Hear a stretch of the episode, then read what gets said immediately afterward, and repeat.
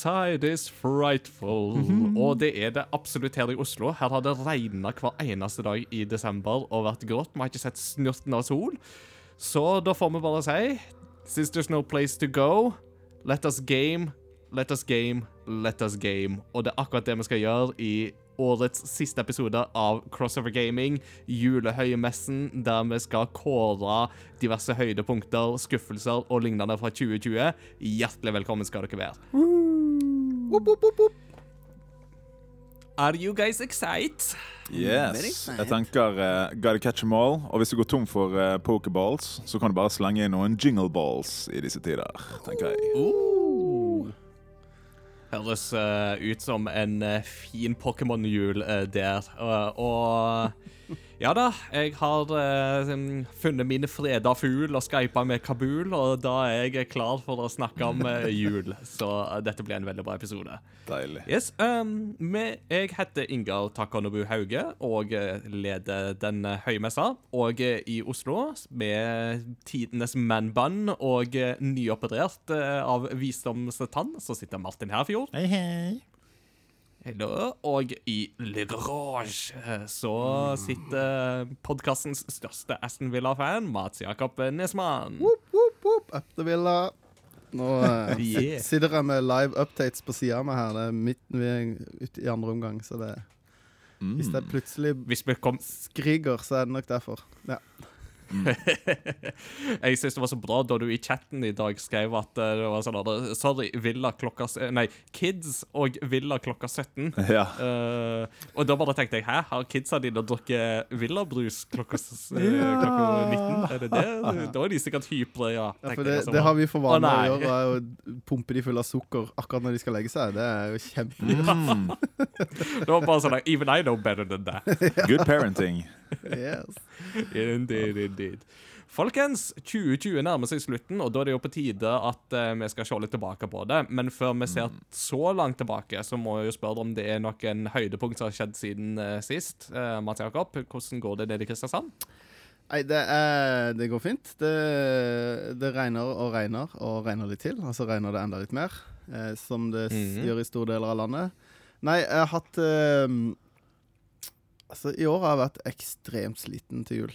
Det, eh, Mm. begynte, I november begynte jeg å snakke om at jeg begynte å bli julesliten, men nå er jeg liksom ekte sliten. Så her for, eh, for på ons tirsdag så spiste vi middag, og så satte jeg meg i lenestolen min, og så sovna jeg. Og så våkna jeg tolv timer seinere klokka fem på morgenen. Og, og, og, og, da, og da hadde jeg eh, Når jeg kom på jobb, så fortalte jeg folk at ah, jeg sov på sofaen i tolv timer i natt. Og jo mer jeg på en måte fortalte til folk at jeg hadde sovet i tolv timer, jo mer kom jeg på ting som hadde skjedd. Eksempel det at jeg våkna ikke på sofaen, for jeg hadde jo Jeg våkna i senga mi. Så var det sånn, ok Og så hadde jeg snakka med Tuva, og liksom Åssen kom jeg meg Hvordan kom jeg meg egentlig til senga? Hun ba, Nei, du gikk og spurt Du kom og spurte om du kunne få lov til å gå og legge deg i senga klokka syv. Å ja, gjorde jeg det? Og, ba, ja, og, og du la Ludvig. Så jeg hadde visst klart å legge en unge òg, bare ved at han hadde kommet og lagt seg hos meg. Husker ingenting. Så, Ekte julesliten i år. Det, wow. Så i morgen er siste arbeidsdag for meg. Det er jo et veldig bra, det er jo et veldig bra premiss for et eller annet spill. det. Uh, Mm. Vi har jo kjempemange spill med hukommelsestap, så dette er liksom faren som våknet med hukommelsestap. Han husker ingenting fra kvelden før. Hva skjedde egentlig? Hvem la egentlig sønnen? Hvordan havnet han i senga? Spill The Tired Dad. Coming 2021. Den snille versjonen av Disco Elysium. Ja, basically. Det hørtes ut som han fortelleren i eh, nissen, Nei, ikke 'Nissene på låven'. Hva heter det? Det er julekalender. Mm. Det er en mørk og stormfull aften. Får de tak i propellen og den store nisseboken? Hvem er denne Benny? Ja. Har han en pose? Er det mel i den? Og er det i så fall rent? Følg med i morgen. Takk for meg. Jeg, eh, min alternative karriere som eh, voice actor begynner nå. Nice. Gi meg det spillet, sier bare meg. Mm. Ja, ja, ja. Du da, Martin. Du har jo operert litt uh, siden sist. Ja, jeg lurer på om eh, man kan definere det som kosmetisk eh, kirurgi å ta ut en visdomstann. Um, jeg har fått høre av mange at jeg har et stygt fjes, så da tenkte jeg liksom at jeg må få operert litt. Eh, så jeg tenkte å begynne liksom inne med en tann. da Eh, Så nå har jeg sånn oppsvulma venstre side og eh, ser jo ikke bedre ut enn før. Eh, det kan jeg si. Så jeg lesper jo litt sånn der Barcelona-S akkurat nå. For jeg klarer liksom ikke å lukke munnen helt. Så det, det kan bli Ah, underholdende. Espanjol.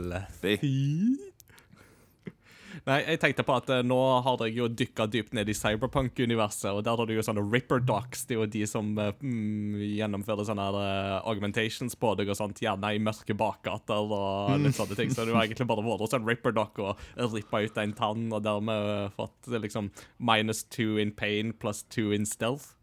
ja. MJ. Uh, but Det er veldig sånn progressivt av deg da, Martin, å drive med Mm. eh, du, Det skinner gjennom at du syns det er innsida som teller. Men du Ja. er likevel veldig moderne, så du er opptatt av kosmetisk kirurgi. Så du har liksom drevet med sånn innvendig kosmetisk kirurgi. Det- er Operere meg eh, Ja, du- du bedre operer- moralsk, på en måte. Ja, jeg bare så tenker det at eh, Mm. det, Jeg syns Det det, var veldig, det er veldig progressivt av deg, Martin. Det skal du ha. For å komme på uh, the good list eh, of Santa. Altså, vi, Jeg og kona vi sitter jo og ser Futurama for tida, og der har du jo Der feirer de jo ikke Christmas, de feirer jo Xmas, eh, for det er jo mm, det de tror at det skal uttales som. Eh, Men det andre er jo at du har jo Robot Santa, som jo bare bedømmer alle som slemme, fordi at algoritmen hans er helt fullstendig feil. så, at går, så alle er jo livredd for jul, fordi at det er bare sånn Oh no, Santa Claus is coming to town! Og så har de sånne metallshutters og sånt, og så kommer han You've all been naughty, very naughty. Except for you, Dr. Zoidberg. Ja. Of course. Wonderful. Altså, det har skjedd, så Ja, jeg han får eh, en sånn, han får en sånn hoppestokk. Apogostick. Deilig. Så jeg har vært litt sånn i, i tåke eh, siste dagene. Og eh, Mhm. så fikk jeg jo eh, levert eksamensoppgave på mandag. Um, og jeg trodde jo jeg skulle få gama meg opp til denne episoden. Um, nei, dessverre ikke. Men um, jeg har en liste. Jeg har klar en eh, Best of-liste, altså. Så um, Det er fantastisk. let's roll. Yes. Uh, Sjøl så er det stort sett bare cyberpunk og eksamen det har gått i. Men jeg sitter jo i den andre enden av eksamen, for jeg er jo den som driver med sånn arrangering og sånt. Og Mm. jeg er han kjipe som må fortelle deg at nei, nå er tida ute, så hvis du ikke har levert, så får du ikke levere. Ja. Welcome to academia. Det, jeg er han kjipe der, men uh, Det noen, må, noen må være den òg, rett og slett. Så, Litt sånn claptrap. rett og slett. Men kommer Cyberpunk med på noen av listene? Vent og se. Men la oss først høre hva lytterne har som årets beste spill.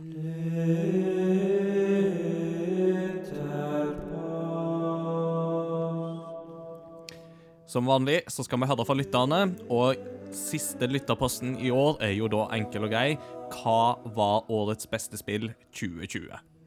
Og noen lurer jo da på må det være et spill som kom ut i 2020. Eh, for det er jo ikke alle som rekker å spille så mange nye spill. Og da sa vi det at eh, hovedspørsmålet er jo beste 2020-spillet. Men hvis du har en honorable mention fra et år tidligere, for det er jo en annen kategori vi har, så må de gjerne komme med den òg. Og da har eh, lytterne svart, vet du, i eh, hytt og gemeng. Eh, så jeg tenker at eh, Martin, vil du cue jingle for Åsmund? Åsmundstjerne! Yeah! Nice. La oss bare begynne med Åsmund med en gang. Trofaste mannen som har kommentert på absolutt alle lytterposter vi har hatt i over to år nå. Det er respekt. Og Åsmund han skriver Siden jeg ikke har bra nok PC, var jeg redd for ikke å få prøvd Ori and the Will of the Wisps i år. Heldigvis kom det plutselig ut på Switch, og det innfridde til de grader. Mitt Game of the Year er derfor Ori and the Will of the Wisps. Og Åsmund har upåklagelig smak, det må jeg bare si. Yes, indeed. Mm, mm, mm, mm, mm, mm. Tasteful. Jeg kan fortsette med legenden eh, Kjetil Austad, som kanskje på nyåret vil få sin egen jingle, faktisk. Um, han skriver 'Hades'. Skjeletthode. Det var min umiddelbare tanke. Ikke The Last of Us Part 2, som jeg ventet i årevis på, men Hades. Spillet overrasket meg så grundig og gjorde meg stormforelsket i en sjanger jeg før rynket på nesen av. Gameplayet er knirkefritt, musikken er deilig, og de har laget en perfekt balanse mellom det som er konstant og det som varierer fra run til run. Etter ca. 25 clears og rundt 100 timer spilt oppdager jeg fortsatt nye våpen, nye synergier, nye historietråder og nye hemmeligheter. Nå er jeg utrolig spent på hva som blir Supergiants neste prosjekt. Eh, pluss én på den. Mhm. Et veldig godt uh, valg der til uh, Hades på Bades. Yes. Som jo må være Twitch-streamen når du sitter i et badekar og spiller Hades eh, på Switch. Så må det være Hades på Bades. Veldig lurt med sånn teknologi i badekar, tror jeg. Mm. Mm. What could go wrong? Hey. Mats Jakob, har du en lytterpost du vil trekke fram? Jeg har for Jon Dweid. -hmm. uh, han skriver For meg må årets spill bli Assassin's Creed Valhalla. Dette har gjort at jeg har falt for serien igjen etter en del mindre gode spill. Uh, så det syns jeg høres uh, bra ut. Det er jo godt at serien har fått Ja. en liten sånn opp igjen. Mm. Det er jo Assassin's Creed tror jeg blir publikumsfavoritten hos veldig mange i år. Og det er ikke så vanskelig å forstå hvorfor. Det er um, veldig lett å se at det er mye der som kan sjarmere. Mm. Jeg tenkte vi skulle gå til Zilja Lith, eh, aka Sigrun, med et litt lengre svar. Og hun skriver Ja, hvem skulle trodd at de to spillene jeg så fram til mest i 2020, ikke ble årets spill for meg? Assassin's Creed Valhalla hadde flere lyspunkter, men det manglet en attention to detail, som man sier. I et av de veldig, veldig mange småoppdragene så skal du finne fram til medlemmer av en musikkgruppe Er det The Beatles, må tro? som byen ønsker å ha tilbake. Du kan tro skuffelsen min ble stor da jeg fikk samlet dem, ventet på at de skulle spille sin låt, og så gikk de bare over til å spille en generisk låt som jeg hadde hørt mange ganger i spillet. De sa takk, og så var oppdraget utført. Nani? Cyberpunk 2077 kunne vært mitt Game of the Year, men i skrivende stund har jeg fortsatt ikke fått spillet, som jeg forhåndsbestilte sommeren 2019 aner ikke hva som skjer hos leverandøren. Muligheten er jo der for at jeg ikke får spilt det i år. Noe som for så vidt kan være greit, for spillet er jo infisert av bugs akkurat nå.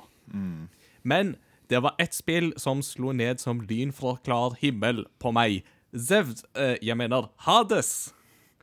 Nå står jeg i fare for bare å repetere Chaus sin veldig gode post, men jeg får ta en annen vri. Jeg liker generelt dårlig spill der man skal dø om igjen og om igjen, slik som Dark Souls, men dette spillet har en så unik stil, så velutforskende og regjerende karakterer. Dusa er så søt! Og en så fantastisk godt planlagt struktur, kan ikke si mer uten å spoile, at det hele føles verdt det. Til slutt vil jeg også trekke fram hovedkarakteren Zagreus, som jeg synes utgjør en så flott rollemodell for positiv maskulinitet. Han er en skikkelig badass og veldig morsom, men samtidig er han ikke redd for å vise følelser og være emosjonell. Det var eh, pluss én på den, og dette med Zagreus og positiv maskulinitet, det har jeg faktisk ikke tenkt på, men det er helt riktig. Eh, og det ble en sånn fin eh, mm, pluss én for meg der, altså. Hjelper å se stønning ut i baris òg, altså. Ja, ja, altså, jeg forstår de som blir veldig forelska i Zagreus, for han ser bra ut. Det er ikke Og så er jeg enig i at du er så søt. Det er bare sånn Medusa-hode som svever rundt omkring og tørker støv, og hun er så overforelska i Zagreus at hver gang hun kommer, så blir hun sånn Og så stikker hun av. Ah, relatable. Ja. Da kan jeg eh, fortsette på min perfekte trøndersk. Hei, Peter. Yeah. Uh, og du må Assassin's Creed ha vært to høydere for meg, sjø. Skal sette i gang med Cyberpunk nå, sjø. Og forhåpentligvis kan vi putte på den òg. Åh. I, uh, the, Yeah. julekal I The Julekalenders uh, gode eh, ånd der, altså. Fortsatt det beste julekalenderen. Det er jo de julekalender. Altså. Mm -hmm. Det kan vi jo òg nevne at et annet spill som har gått igjen hos flere lyttere, er Crusader Kings 3. Som Ja. har gått igjen hos både Helge Magnus Vatnedalen på Facebook og Nikolai på eh, Discord-serveren vår. Så det òg er et sånt spill som eh, veldig mange trekker fram som en positiv opplevelse i år. Mm. det, Jeg var ikke helt sjokkert over at Nikolai har jo snakka mye om eh, dette i discorden vår. Og har, Mm. det var veldig Det var kanskje et spill, det spillet han har venta mest på. Uh, og det jeg synes var gøy når han begynte å snakke om at han har begynt å skrive fanfiction. Og da ble jeg skikkelig mm. nysgjerrig. Det har jeg veldig lyst til å lese. Eh, så det Da tenker jeg Da er et spill bra, når du har lyst til å skrive Mm. fanfiction. Da tenker jeg Da har du virkelig truffet en nerve hos eh, spilleren. da Absolutt. Mm. Uh, nå er jo Nikolai kanskje en av de største Paradox-fansene som jeg kjenner, og når han da skryter så veldig av Crusader Kings 3, så tenker jeg at da kommer ikke det fra hvem som helst. Da kommer det fra noen som virkelig har uh, grunnlag for å si det. Uh, så det er verdt å nevne. Mm. All right, lyttere. Vi takker dere for alle gode responser dere har gitt oss i 2020. Vi håper dere fortsetter å gjøre dette i 2021 òg. For deg som hører på første gang, og som ikke vet hvordan du gjør det, så er det bare å følge, med, øh, følge oss på Facebook, eller bli med i vår Discord-server. Begge deler finner du lenker til på crossovergaming.no. Arigatou gozaimasu. Arigatou gozaimasu. Beste spill du spilte i år som kom ut før 2020. Oh. Hva kan det være da? Nå er jeg veldig spent. Hei! Yes. Uh, I um, høymestertradisjonen som vi har, så er det jo sånn at uh, vi har ikke den faste liturgien. Når det er jul og når det er E3 og alt sånt, så må vi ha høymesse. Og da er det alternativ liturgi som råder, for da er det fest. Så det vil si at eh, nå skal vi ikke ha disse her klassiske med watch up in play-in og kuriositet og alle de tingene der, men nå bare går vi rett i gang med kategoriene. Så, som eh, Martin sa så fint, den første kategorien vi skal kåre, det er beste spillet du spilte i 2020, som er et eldre spill. Så eneste kriteriet her er at du spilte det i år for første gang, og det er et spill som er eldre enn 2020. Mm. Så Mats Jakob, jeg føler jo at dette er jo kanskje det området der du utmerker deg aller, aller mest som vår retroguru. Og da tenker jeg at du skal få lov å begynne. Ballet. Så hyggelig. Uh, nei, jeg har uh, eh, Altså, problemet mitt er at når jeg hvert år så tenker jeg sånn Ja, jeg spiller jo masse. Og så sitter jeg de dagene før vi skal uh, spille inn det her, og så er jeg sånn Men hva har jeg egentlig spilt? Eh, så eh, I god eh, kjent stil for meg så pleier det som regel å komme noen skudd fra hofta underveis, for jeg kommer på ting jeg har spilt. Men eh, Mm. jeg har eh, lagd en liste på fire spill. Ja. Eh, og eh, Det første jeg vil snakke om, er Lunar Silver Star Story, på, som jeg har spilt på Ja. PlayStation 1. Som er et Uh. veldig bra eh, JPG, som opprinnelig kom ut på Sega CD, i, eh, både i USA og i Japan. Men eh, kom vel ikke ut i Europa før det kom på PSP, tror jeg, en eller annen gang på 2000-tallet. Det kommer vel ja, aldri ut på. riktig, Ja. riktig. Eh, det er kjempegøy å spille et eh, Altså, hva skal jeg si? Det, det ser ut som et 16-bit RPG, men har eh, anime full voice-acta anime cutscenes, eh, som jeg syns er veldig bra til tida å være. Det er jo selvfølgelig Mm. litt sånn eh, eh, kornete oppløsning, men, det, men det, det hever liksom Jeg skjønner hvorfor det spillet ble så hypa som det ble når det kom. For det, det kom jo opprinnelig på en 16-bit-konsoll. Det er jo et 16-bit-spill. Men hadde den der eh, ekstra elementet i historiefortelling da, som, som hever den opplevelsen. Og som Når jeg spiller det, så sitter jeg og tenker Tenk så fett det hadde vært i Final Fantasy 6. Eller å kunne gå tilbake og legge til de tingene. Litt sånn som de har gjort i Chrono Trigger, som vi holder på å spille nå. Sp og der Mm. har de jo lagt på sånne cutscenes. Og eh, kanskje enda kulere i Chrono Trigger, siden det, der er det jo med um, Toriyama sin eh, sin, eh, sin kunst, eller sine eh, Mm. design. Eh, Mm. Som gjør at det spillet er veldig, veldig kult. Og til tider ganske vanskelig, men, eh, men det er veldig, veldig gøy å spille. Inga? Ja. Jeg, jeg syns jo det er veldig artig det som du jo påpeker der, med dette med animerte sekvenser og sånt. For at eh, En ting som jeg lurer på med Lunar altså Du nevnte jo at det var jo et Sega CD-spill opprinnelig, men det var Mm. ikke Sega som lagde det, var det det? Nei, det er det ikke. Det, altså, måten jeg hørte om det på, var at uh, For det var et spillselskap som Eller en, en uh, publisher som jeg snakka om før, uh, som holdt på i Mm. USA, som het Working Designs, som tok veldig mange Ja. nisjespill på den tida, da. Altså JRPG-er var jo på den tida veldig nisjespill, og, og, og um, oversatte de, og hadde veldig gode oversettere som, som De oversatte liksom ikke bare direkte. De, de på en måte Mm. tok eh, teksten og på en måte gjorde am, skal si, amerikanisert er ikke amerikanisert, men liksom, språket er godt, da. Det er ikke en direkte Mm. oversettelse av det som var. Eh, og eh, pluss at de gjorde veldig mye ekstra med, med, med eskene, eller det det kom i. Så det jeg har på PlayStation, det kom i en pappeske med Så hører jeg her. Shiny. Borrelås. Du kan åpne. Den er sånn shiny. Den er uh, Vet du noe? På engelsk heter det embossed. Sånn uh, forhevelse i pappen.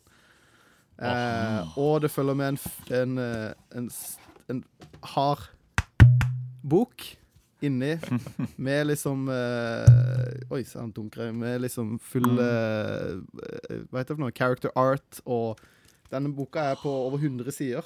Med masse liksom tips og triks og litt sånn jeg er gans, er ikke, Det er lenge siden jeg har bladd i den nå, men det er ganske sikker på at det er liksom en sånn walkthrough av første delen av spillet i tillegg. Med Nydelig. så de har liksom gjort godt den lille ekstra veien da, som gjør at liksom hele opplevelsen blir heva. Og jeg er jo en av de som mener at esker og manualer og sånn, alt det er en del av spillopplevelsen.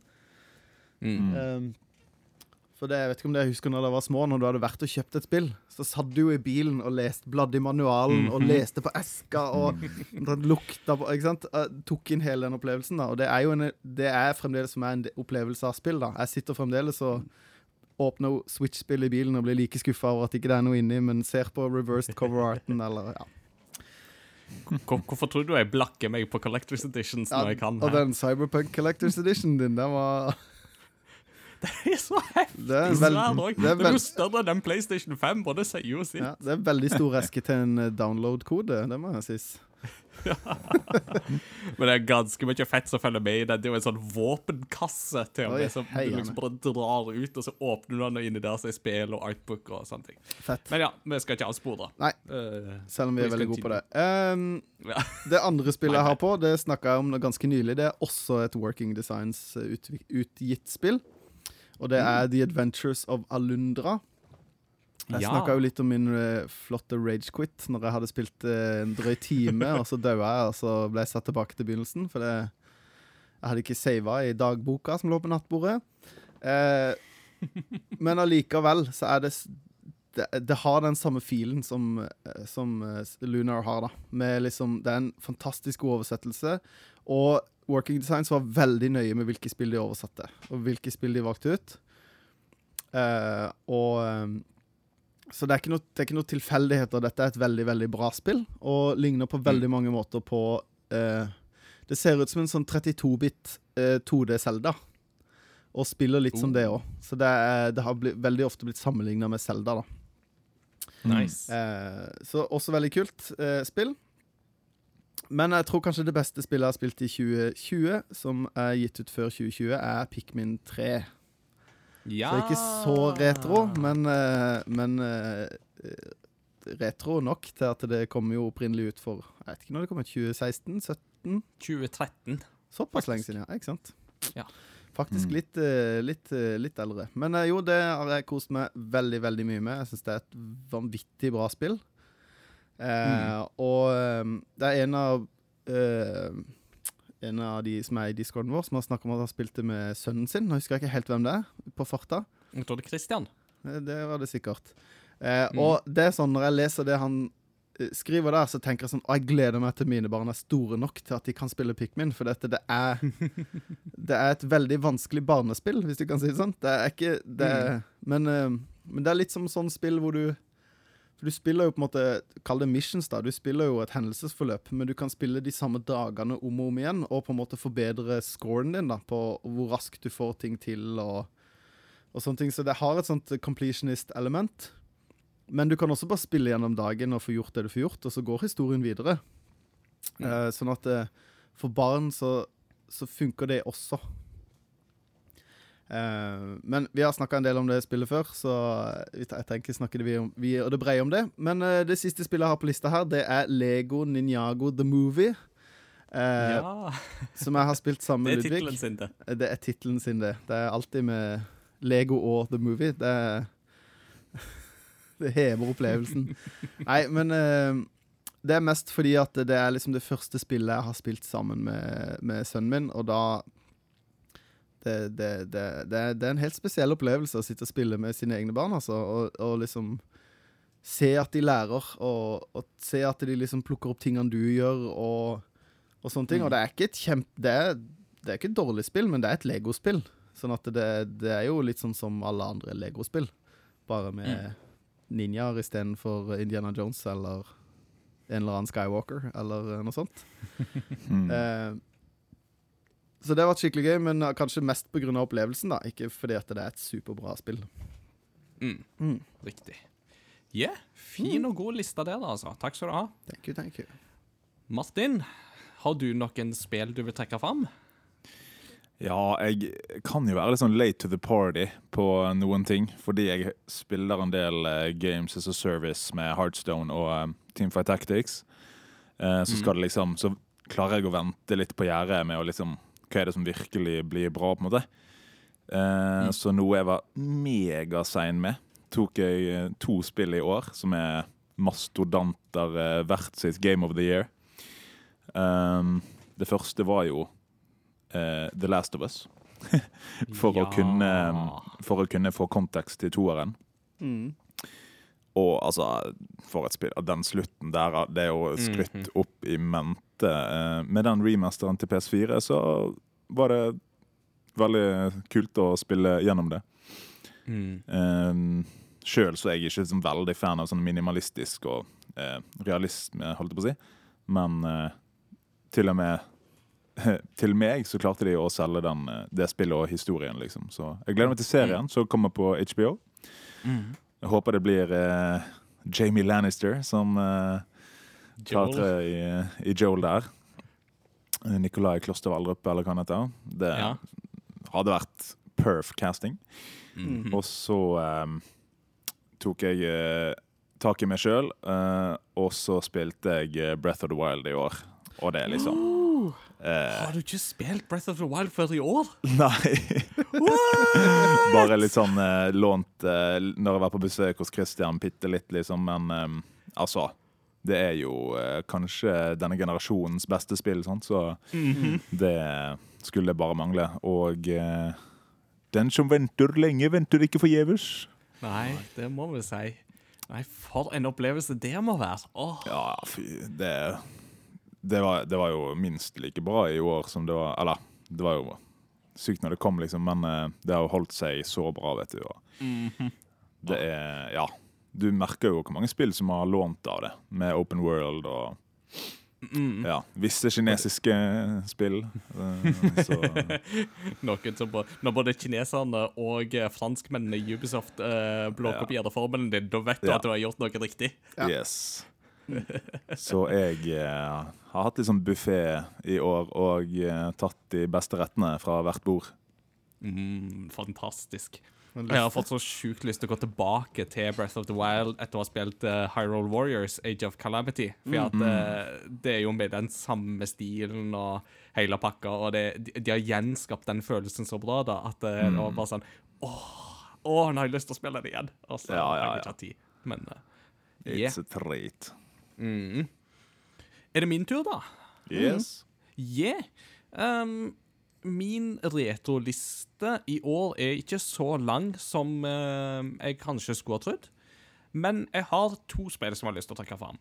Uh, det ene det er nok det som vinner min eh, beste pre-2020-game eh, for i år, og det er Yakuza 0. Eh, nå har dere endelig kommet i gang med Yakuza-serien, og det er en høydere av dimensjoner å spille Yakuza-spillene. De er som skapt for meg, for det er liksom åpne verdener, men innenfor et veldig begrenset område. Det er street brawlers i beste sånn uh, beat em up-stil. Det er følelser eh, av sinte japanske menn som bare skrudde opp til 11. Så det er sånn det, det, det, Subtilitet, det fins ikke. Det er sånn Er de sinte, så er det «Kora! Bukrose!» Og så er det bare sånn der, Med en gang etterpå så er de kjempeglade og begynner å fastgrine. Bare «Ah, Og det er liksom- Deilig anime. smører så tjukt på, og jeg bare elsker det. Eh, men så hjelper det jo på at det er bra krim uh, Altså, dette er jo veldig bra sånn kriminalsyndikatfortellinger, ikke sant? Altså, hvis du liker dette her med Honor Among Thieves og hierarkiske kriger mellom forskjellige grupperinger og uh, alle sånne ting som det der, så er det jo veldig, veldig bra. Og så er jo både musikk og grafikk og er jo awesome, så ja. Um, jeg har fortsatt litt på det. Jeg holder jo på med eh, Yakuza Kiwami nå. Det er jo PlayStation 4-remaken av det aller første Yakuza. Uh, og så skal jeg gå videre med dette prosjektet sakte, men sikkert. Så yeah. Honorable mention uh, må gå til The Curse of Monkey Island, som vi jo spilte med Retrospellauget i høst. Uh, jeg har jo spilt Monkey Island 1 og 2 før, men så har det stoppa der. Så uh, Curse of Monkey Island var jo det første eh, nye Monkey Island-spillet for meg, Uh, og det var så gøy, altså. Det, humoren er fantastisk, stemmeskuespillet er top notch. Uh, artworken har holdt seg veldig bra, syns jeg, for sin tid. Um, Litt synd at du ikke har på en måte bedre muligheter for å optimalisere spillet for dagens hardware, men det gjorde egentlig ikke så veldig mye. Så eh, det var Det var en fantastisk tittel å endelig kunne krysse av på lista, og bare åh, det var en det, det var kjekt. Det var veldig, veldig kjekt. Og ikke minst veldig kjekt å spille det sammen med folk i Discord-kanalen vår, Retrospellauget. Mm. Yeah. Så det var det. Da var det altså Breath of the Wild til Martin. Det var um, uh, Pikmin 3. Yakuza 0 på meg. Og så var det um, Ja, uh, Pikmin 3, ja. Fra Mats Jakob. Største skuffelse i 2020 Ja, det er god. All right. Uh, da tenker jeg at vi skal bytte om på rekkefølgen, og så skal jeg uh, begynne. Um, Og da er det jo to spill som jeg særlig vil trekke fram, som ikke har levd opp til mine forventninger i, i år. Og største skuffelse vil jo ikke nødvendigvis at spillene er dårlige, men det er bare at det, de var ikke der vi skulle ønske at de var. Og de to spillene som har utmerka seg der for meg i år, det er Final Fantasy 7 Remake og det er Cyberpunk 2077. Ja, dessverre, Cyberpunk er i den kategorien der. Men av de to så tror jeg faktisk at det er Final Fantasy 7 Remake som er min største skuffelse. Og årsaken til det er litt av det som jeg har snakka om i podkasten tidligere. Eh, når et spill kalles for en remake, så mener jeg at da skal det være mulig for nye spillere å plukke det opp uten kjennskap til originalmaterialet, og faktisk kunne få sette seg inn i den magien som dette spillet er, og få et innblikk i denne klassikeren. Med Final Fantasy 7 Remake så kan du ikke det, fordi de begynner med masse sånne ting som mer eller mindre forutsetter at du har ikke bare kjennskap til originalen, men òg til det utvida Final Fantasy 7-universet. Altså Crisis Core, uh, Final Fantasy 7 Advent Children osv. Og da er du ikke på en remake lenger, da er du i en reimagining. Eh, altså, da, da gjenoppfinner du eh, spillet. Og jeg mener at det å da kalle det for en remake, det er villedende markedsføring.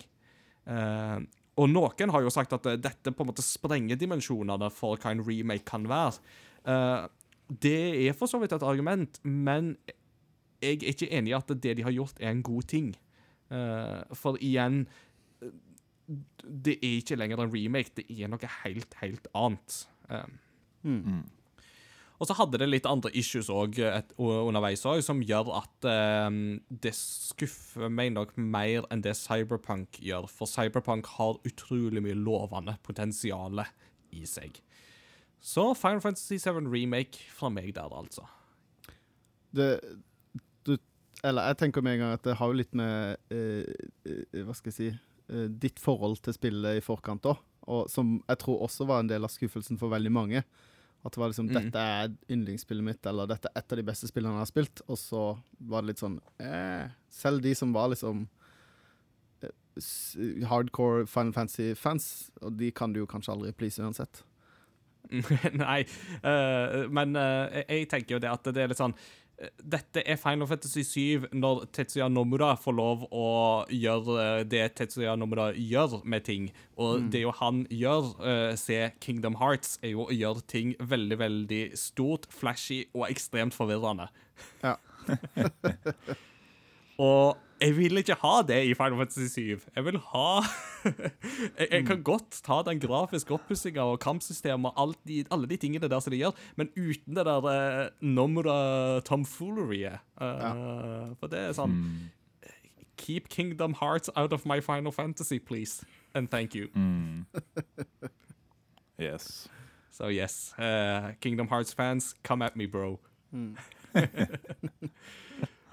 OK, Martin, siden vi reverserer uh, rekkefølgen, hva er din største skuffelse i 2020? Ja. Jeg tar pluss én på Cyberpunk eh, fordi jeg har bevisst venta med å begynne på det, eh, fordi jeg vil spille på konsoll.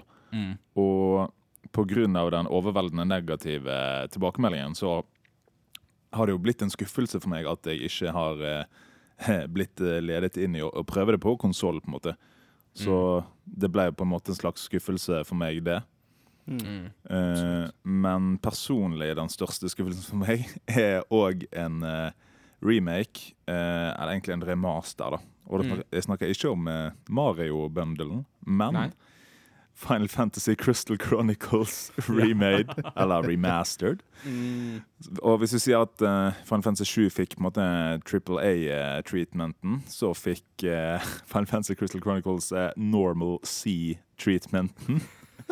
som er egentlig bare eh, at de har liksom gjort grafikken HD. Det er nesten det. De har til og med fjerna local multiplayer-mulighetene. Eh, og bare gjort det sånn at man kan spille sammen online, som er super buggy og vanskelig å få til. Så det var det, Jeg fikk jo fullført det, men det, jeg kunne like gjerne tatt den gamle på en GameCube. altså. Absolutt. Eh, jeg har jo spilt kanskje fire timer av det, og så la jeg det vekk for andre ting. Og så frister det egentlig ikke for meg å plukke det opp igjen. Så Vi får se. Vi Får se hva Yes. jula bringer. Ja, Final Fantasy 7 Crystal Chronicles Remastered del, altså. OK, Mats Jakob, hva er din største skuffelse? Yes, jeg har uh, to honorable mentions først. Den første er Er det honorable, eller er det honorable? honorable? dis dishonorable mentions. Eller eh, not, not, not as disappointing as the last one. Eh, den første er Legend of Manna. Mm. Den uh, remaken som kom uh, av uh, Seiken Densetsu 3 eller Secret of Mana 2. Alt etter som eh, hvor i verden du er fra. Eller Trials of Mana? veldig, jeg var veldig gira på det, for det er et spill som ikke har offisielt kommet ut i Vesten, og jeg syns at den grafiske stilen de valgte, var veldig kul. Det, Mhm. Jeg var, det var Jeg så skikkelig fram til det. Og så, når jeg begynte å spille det, så skjønte jeg at jeg vil spille dette her med 16-bit-grafikk. Det heva ikke jeg har, jeg har ikke begynt på det på 16-bit, men jeg kan ikke se for meg at det har heva opplevelsen noe nevneverdig. Kanskje heller forminska den. Og så Sist vi snakka om det her, så var det noen du kjente, Inga, som hadde spilt det, og som klagde på hun her healer-karakteren. Ja, det var vel Kotaku, tror jeg, som det var, det, kanskje var det, ja. Du, du de snakka iallfall om at noen hadde trukket det fram. Mm. Eh, og jeg bare sånn Ja, hun er ikke så irriterende. Og så begynte jeg å spille, og så var det bare sånn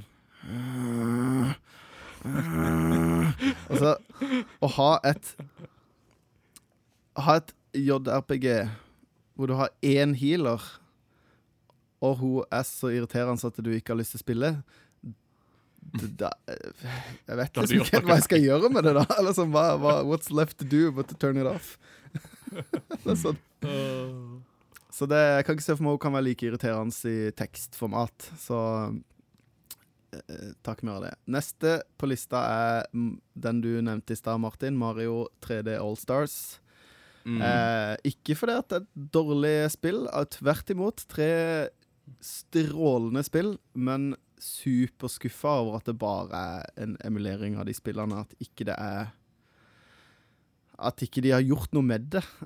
det var sånn det, Mm. det Jeg har Mario 64. Jeg har de tre spillene fra før. Jeg trengte ikke å bruke alle de pengene på det. Og Mm. Nintendo klarte å lure meg. Jeg var veldig rask på labben for å kjøpe det, fordi at de ga uttrykk for at det skulle være begrensa opplag, eh, på et vis. Mm. Eller at dette forsvinner på et eller annet tidspunkt. Mm. Og eh, den er jo, det er jo ikke akkurat mangelvare på i, i butikkene nå. De, alle spill, butikker som selger spill, har det spillet. Så det er ikke noe Mm. sånn. Så det er litt sånn skuffa. Men 2020s største skuffelse er Ty the Tasmanian Tiger HD, til tross for at jeg har snakka så mye om det spillet. Men akkurat de samme grunnene som uh, Martin snakka om med Crystal Chronicles. Det er De har ikke gjort noe med det, annet enn å få det til å kjøre på en Switch, og skrudd Mm. opp litt på liksom Hva skal jeg si? Grafikken, og det er nesten ikke opp engang. Altså, det er Mm. et veldig gøy spill, men for det det er. Men, eh, men eh, veldig skuffa over at ikke de gjorde noe mer med det. Veldig sånn Mm. Så det Men eh, hva skal jeg si? Det er jo, her sitter vi alle tre og er skuffa over en eller annen remake. Så det Ja. Kanskje remakens tid er ikke forbi, men Ja. uh, De må gjøre et eller eller Hvis jeg skal, ja, hvis jeg skal si sånn, da. Uh, på en måte ikke en skuffelse, uh, men uh, kanskje det dårligste jeg har spilt i år, som da er helt nytt òg, det er jo Eller hvis du skal ta det dårligste jeg har spilt i år som er gammelt, så er jo det Deadly Premonition. Hvis det er det dårligste som er nytt, så er det Deadly Premonition 2. Eh, Ja. Men begge de to er jo litt sånn De er så dårlige at de blir litt bra likevel. Men det er Ja. Uh, så det var iallfall ikke remakes, hvis jeg skulle trekke inn noen Ja. av de. da. Uh, men de må liksom bare trekke seg sånn av Det kom, og det gikk. Uh, og ja, ferdig med det. mm. Så der har dere det. Tide Tasmanian Tiger HD uh, og Final Fantasy Crystal Chronicles Remastered og Final Fantasy 7 Remake. Største hype 2020 Hva er det vi skal se? Der er vi. Da snur vi på rekkefølgen igjen, vet du. Og Mats Jakob, da lurer jeg på hva var din største hype i 2020? Altså, hva var det spillet du gleda deg mest til, og svarte det til forventningene? Ja. Eh, vi fortsetter i remaken sånn. Eh, det spillet jeg var mest hypa for i 2020, var Panser Dragoon remake. Ja. Eh, og det kom litt sånn som lyn fra klar himmel når de først annonserte det. Og så ble det sånn Oi, tuller du? Kommer det her? Et, et, et, sånn, en serie som eh, har vært veldig glemt. Eh, eh, men eh, spill, moderne spillverden mangler rail shooters, syns jeg. Og eh, utrolig deilig å få inn en, en, altså en av de aller beste. Mm. Var veldig hypa, og eh, syns også at det, den levde opp til forventningene. Eh, Det var liksom ikke Altså Kanskje litt sånn eh, Hva skal jeg si Det er ikke det nødvendigvis dette gjort så veldig mye mer riktig her, men det er et mer riktig spill å gi den HD-polishen og så bare gi ut. For spillet Mm. trenger ikke noe mer content. Det trenger ikke eh, trenger ikke å bli eh, lagd på nytt på noe vis. Det trenger bare å bli tilgjengelig. Mm. Um, og at de har oppdatert kontrollsystemet, da, at du kan liksom velge litt sjøl. Hvilken stil du vil bruke. Om du vil bruke en moderne stil, eller om du vil bruke den gamle stilen. Mm.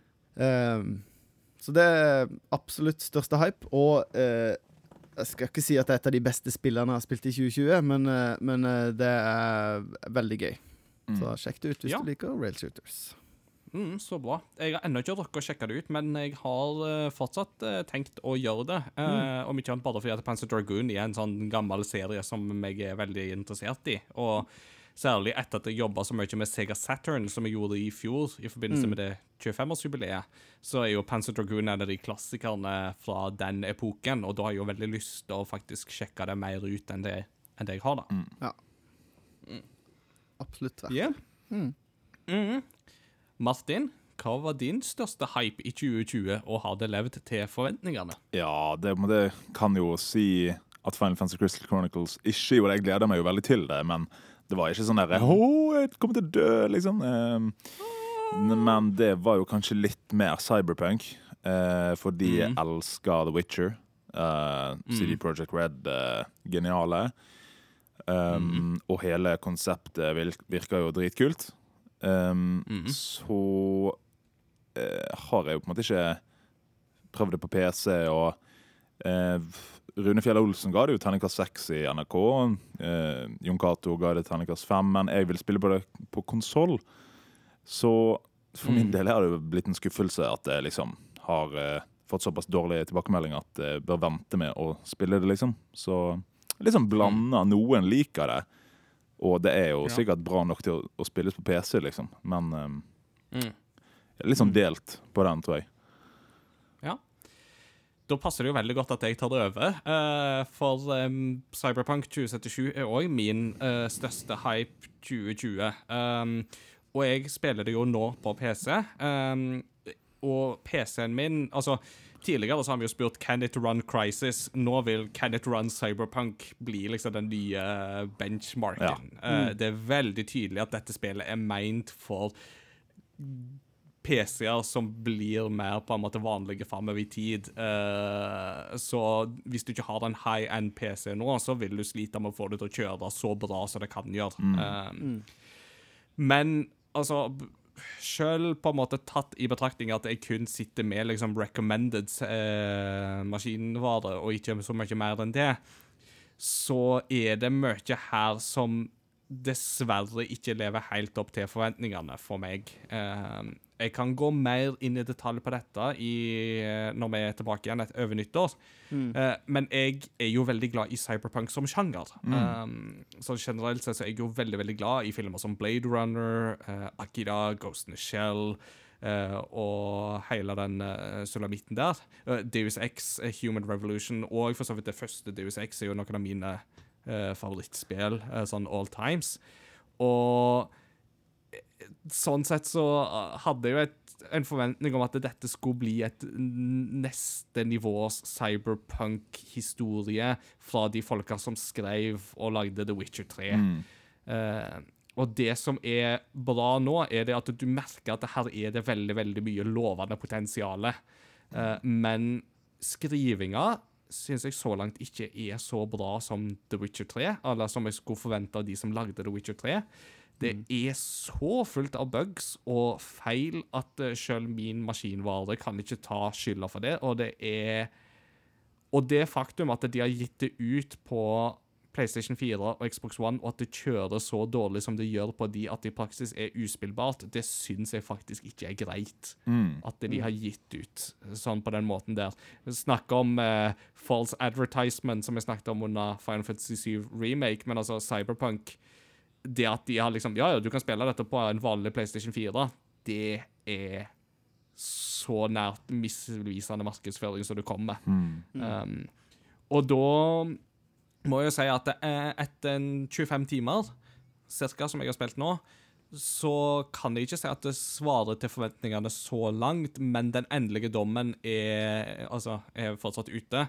Og dette er et spill som jeg gleder meg til å teste igjen eh, om et år, to år, tre år, når jeg har mer futt og maskinvare, og de har fått jobba mer med det. Men det skulle ikke ha blitt gitt ut nå, i den tilstanden det er i. Nei. Det er faktisk for dårlig. Nei. Ja. Jeg har litt sånn to teorier som eh, det er kongevis dere sier eh, om noe annet er riktig, men at enten er det fordi at de fikk litt sånne dødstrusler og sånn med å- utsette det, at de har gitt det ut eh, til konsoller nå, da. Eller så er det liksom sponsorer som de har liksom avtalt med da gir vi det ut, og så da kan vi tjene på julemarkedet osv. For jeg, jeg ser jo for meg at CD Projekt Red vent, hadde klart å vente med å gi det ut på konsoll hvis det bare var de sjøl det gjaldt, på en måte.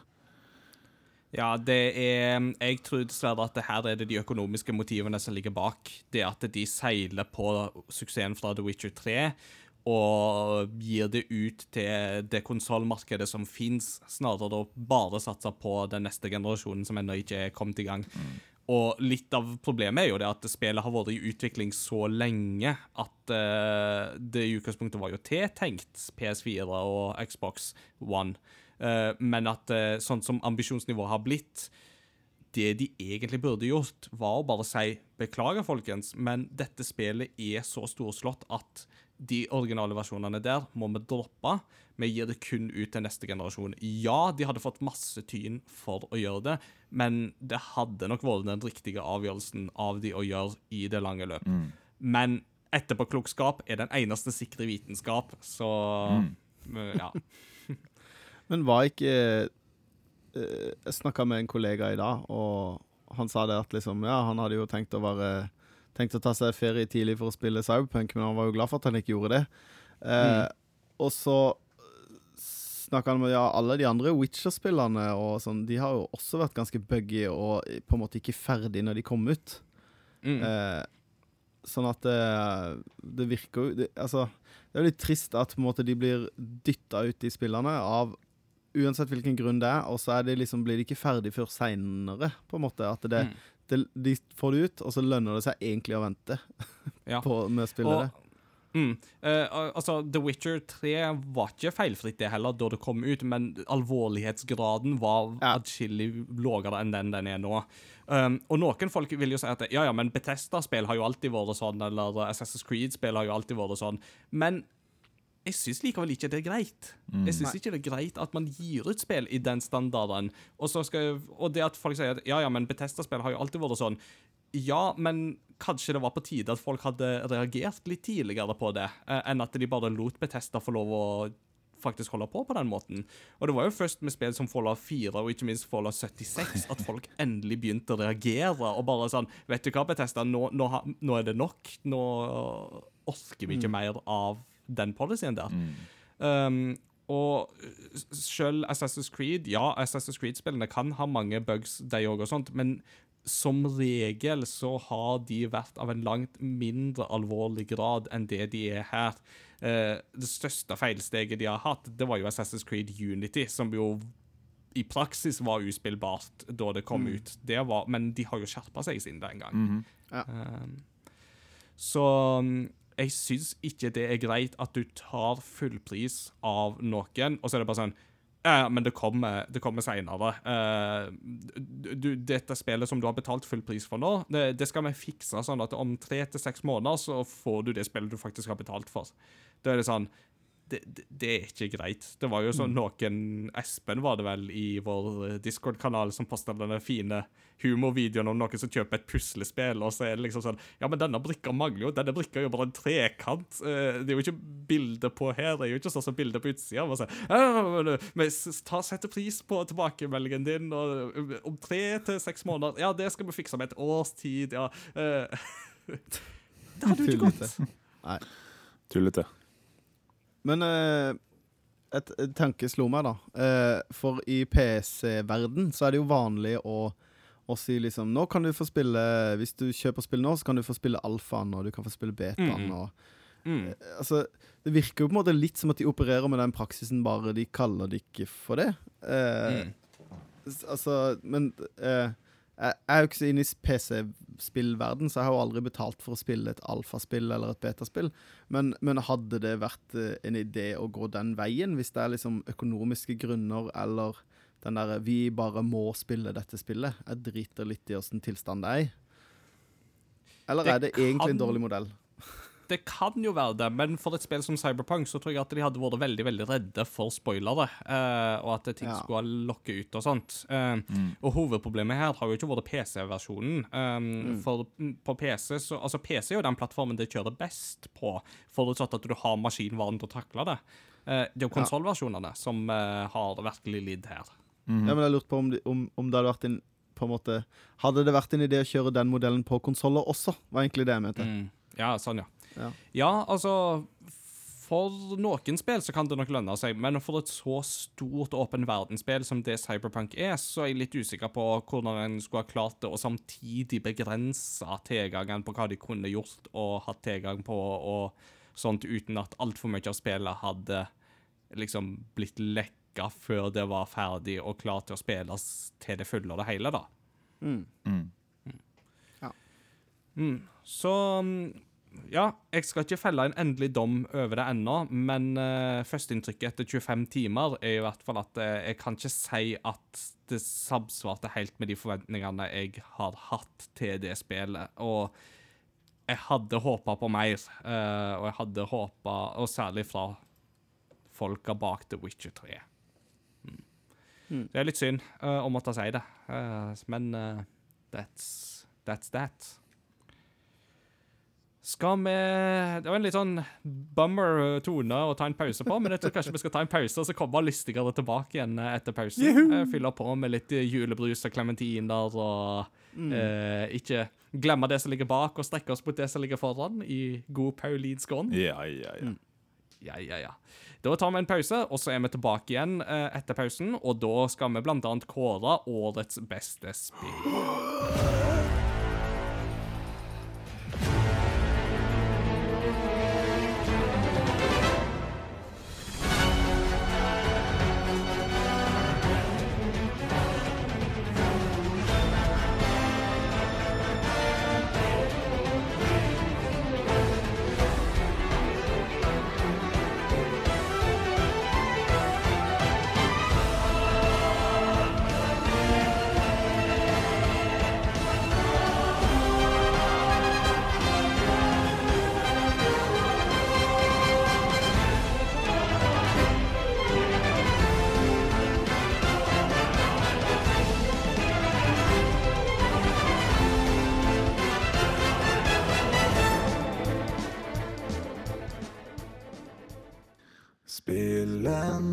skulle ønske du rakk å spille i 2020. Ja, hva kan de være, disse? Nå skal vi snakke om det. Tjo høy. Å, nå skal vi snakke om det. Snakke. Dette var en liten sang med trykk på feil stavelse.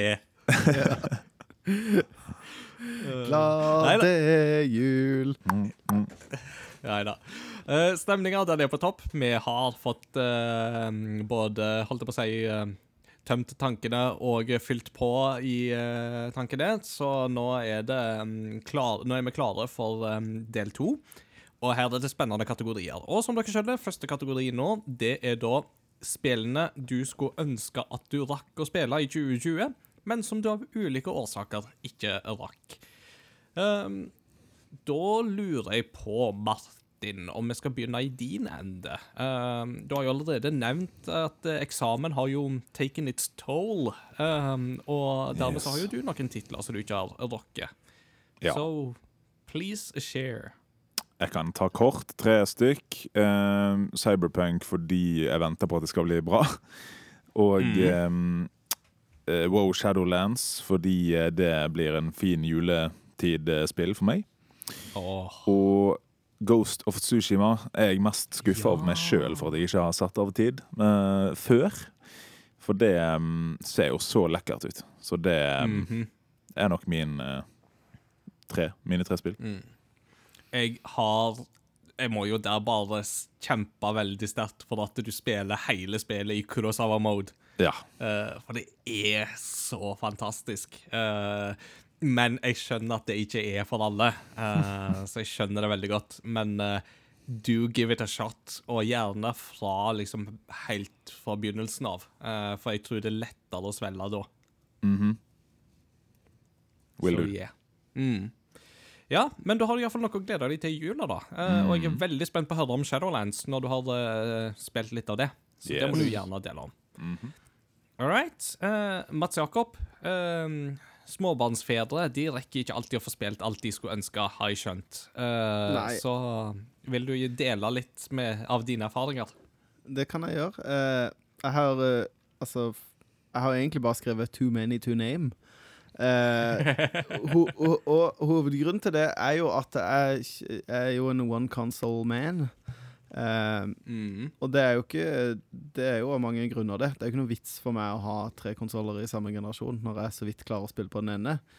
Um, Sånn at eh, for meg så er det jo eh, et fleng av spill på eh, PS4 og Xbox eh, One som jeg gjerne skulle spilt, og PC osv. Men eh, altså, jeg var veldig, veldig nære når jeg leste den anmeldelsen til Rune på NRK av Cyberpunk, til å eh, Bare sånn OK, jeg må bare skaffe meg et eller annet å spille det spillet her på, for dette virka virker, altså, ja, skal jeg si Inntrykket er jo veldig bra, og hypen Mm. er jo The hype is real. Så Mm. Cyberpunk er et spill jeg gleder meg veldig til å spille. Ja.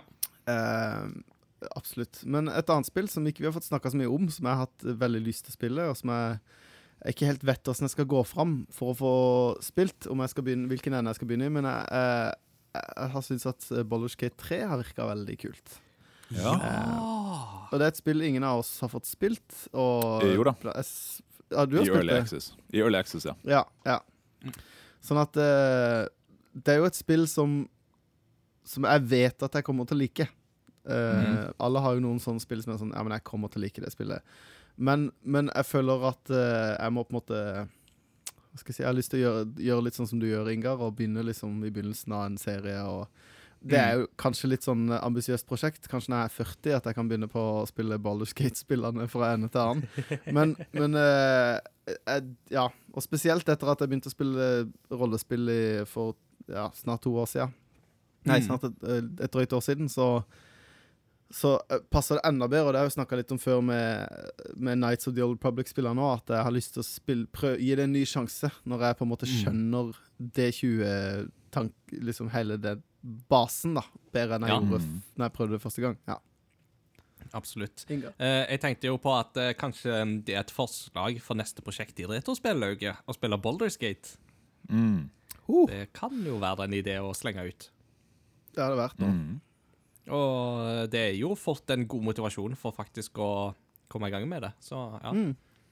Nei, men det er morsomt at du nevner Baldur's Gate 3. Eh, jeg for min del jeg er jo sånn som deg òg, at jeg tenker jeg vil jo gå gjennom én og to først. Men hovedgrunnen er jo det at så lenge det er i early access, så, så, så, så venter jeg. Så, så enkelt er det. Eh, jeg vil ha liksom den hele og fulle opplevelsen. Det var jo derfor jeg ikke spilte Hades heller før i år, eh, da det endelig kom ut. Mm. Mm. Har du noe mer du vil trekke fram i denne kategorien? Ja, det er eh, et spill som eh, jeg ikke har fått kommet meg til, som du har snakka veldig mye varmt om. Som, eh, Ja. hvis jeg skal gjette, dukker opp på din uh, topp 10-liste i år. Uh, Streets of Rage 4 har jeg vel lyst til å teste ut. Og det, det har jeg jo til gode fra deg uh, Til gode å få kjøpt, selv om eh, eh, selv, om det skal være, selv om det er gave fra deg. Men uh, Ja. Du, skal, har du liksom har jo fått din bursdagsgave i sommer. Du må bare Ja. kjøpe det først, og så jeg skal må jeg, bare vippse kjøpe det, altså. Ja, ja. Så det, så det er sånn spill som jeg ikke har eh, eh, fått satt i gang med. Og det er litt sånn Jeg tenkte på det når jeg tissa i pausen, at eh, 2020, veldig mye av liksom hele liksom sfæren av 2020 har vært liksom at liksom Gamers have been preparing for this their entire life, og folk har Mhm. fått spilt så utrolig mye, og jeg har sett folk på diverse grupper på Facebook og sånn som har posta liksom en papirlapp av alle spillene, backloggen de sin, som jeg bare strøker ut, og har liksom fått runda 20 spill i 2020 og sånn. Og så kjenner jeg meg ikke igjen i det i det hele tatt. Jeg bare enda mindre energi og, eh, Ja. til å spille spill. Ja, grunnen vet du, er jo at du og meg vi jobber jo begge innenfor skolevesenet på en eller annen måte. Og vi, Ja, ja. vi har jo ikke blitt permittert eller noe sånt, så det er det som er forklaringa. Ja, det òg, og at når jeg har vært hjemme, så har jeg så er det ikke det det har eh, gått i. Men det er jo noen spill som har fenga meg, som eh, kommer til på slutten. Eh, men eh, Mm. men eh, det er et spill eh, jeg har tenkt å ta fatt i. Ja. Kanskje den dukker opp på neste års uh, eh, liste på spill eh, gitt ut før. Ja. det hadde vært en veldig gøyal anledning til å snakke mer om det. Mm. Yeah. Um, jeg har notert meg noen uh, spill um, som jeg ikke har drukket. Jeg føler jeg har drukket en del, men det er noen ting som jeg enten har måttet nedprioritert, eller som jeg ikke har hatt uh, budsjett til å spille. Så um, Assassin's Creed Valhalla var liksom first of the bat. Mm. Det er jo fordi at jeg ligger såpass langt bak i serien at jeg vil spille meg opp. Ehm, så når jeg er ferdig med Cyberpunk, eh, så skal jeg jo gå på Assassin's Creed Unity, og så skal jeg spille meg opp derfra. Og så kommer jeg vel til Valhalla en eller annen gang mot slutten av sommeren 2021, kanskje. Vi får se hvordan ting utvikler seg. Men jeg har iallfall veldig lyst. eh, det har jeg. Og et annet, eh, et annet Ubisoft-spill som jeg òg har hatt lyst til å prøve å spille, det er jo Immortals Phoenix Rising. Det som før het Gods and Monsters, som kom nå i desember. Som jo er litt sånn inspirert av Breath of the Wild, det òg, men uh, som har mer sine egne ting, da, i motsetning til Genshin Impact. Um, og jeg tenker at uh, Ja, altså, jeg liker det jeg ser av Immortals, og jeg syns det virker spennende, så jeg har lyst til å gi det en sjanse, da. Um, Men i desember så har det liksom ikke blitt så mye anledning til det, så um, da blir det sånn. Og så er det jo økonomi er jo òg Man kan ikke kjøpe alle spill heller. Iallfall ikke når spill går opp i pris, så må man jo velge sine spill med omhu. Mm. Et spill som jeg kjøpte, og som jeg kanskje burde vente med, fordi at jeg burde ha sjekka om jeg hadde PC til å faktisk kjøre det, det var Microsoft Flight Simulator. Uh, så det har jeg liksom fått spilt lite grann, uh, men ikke nok til å på en måte få en god følelse av hvordan spillet faktisk er.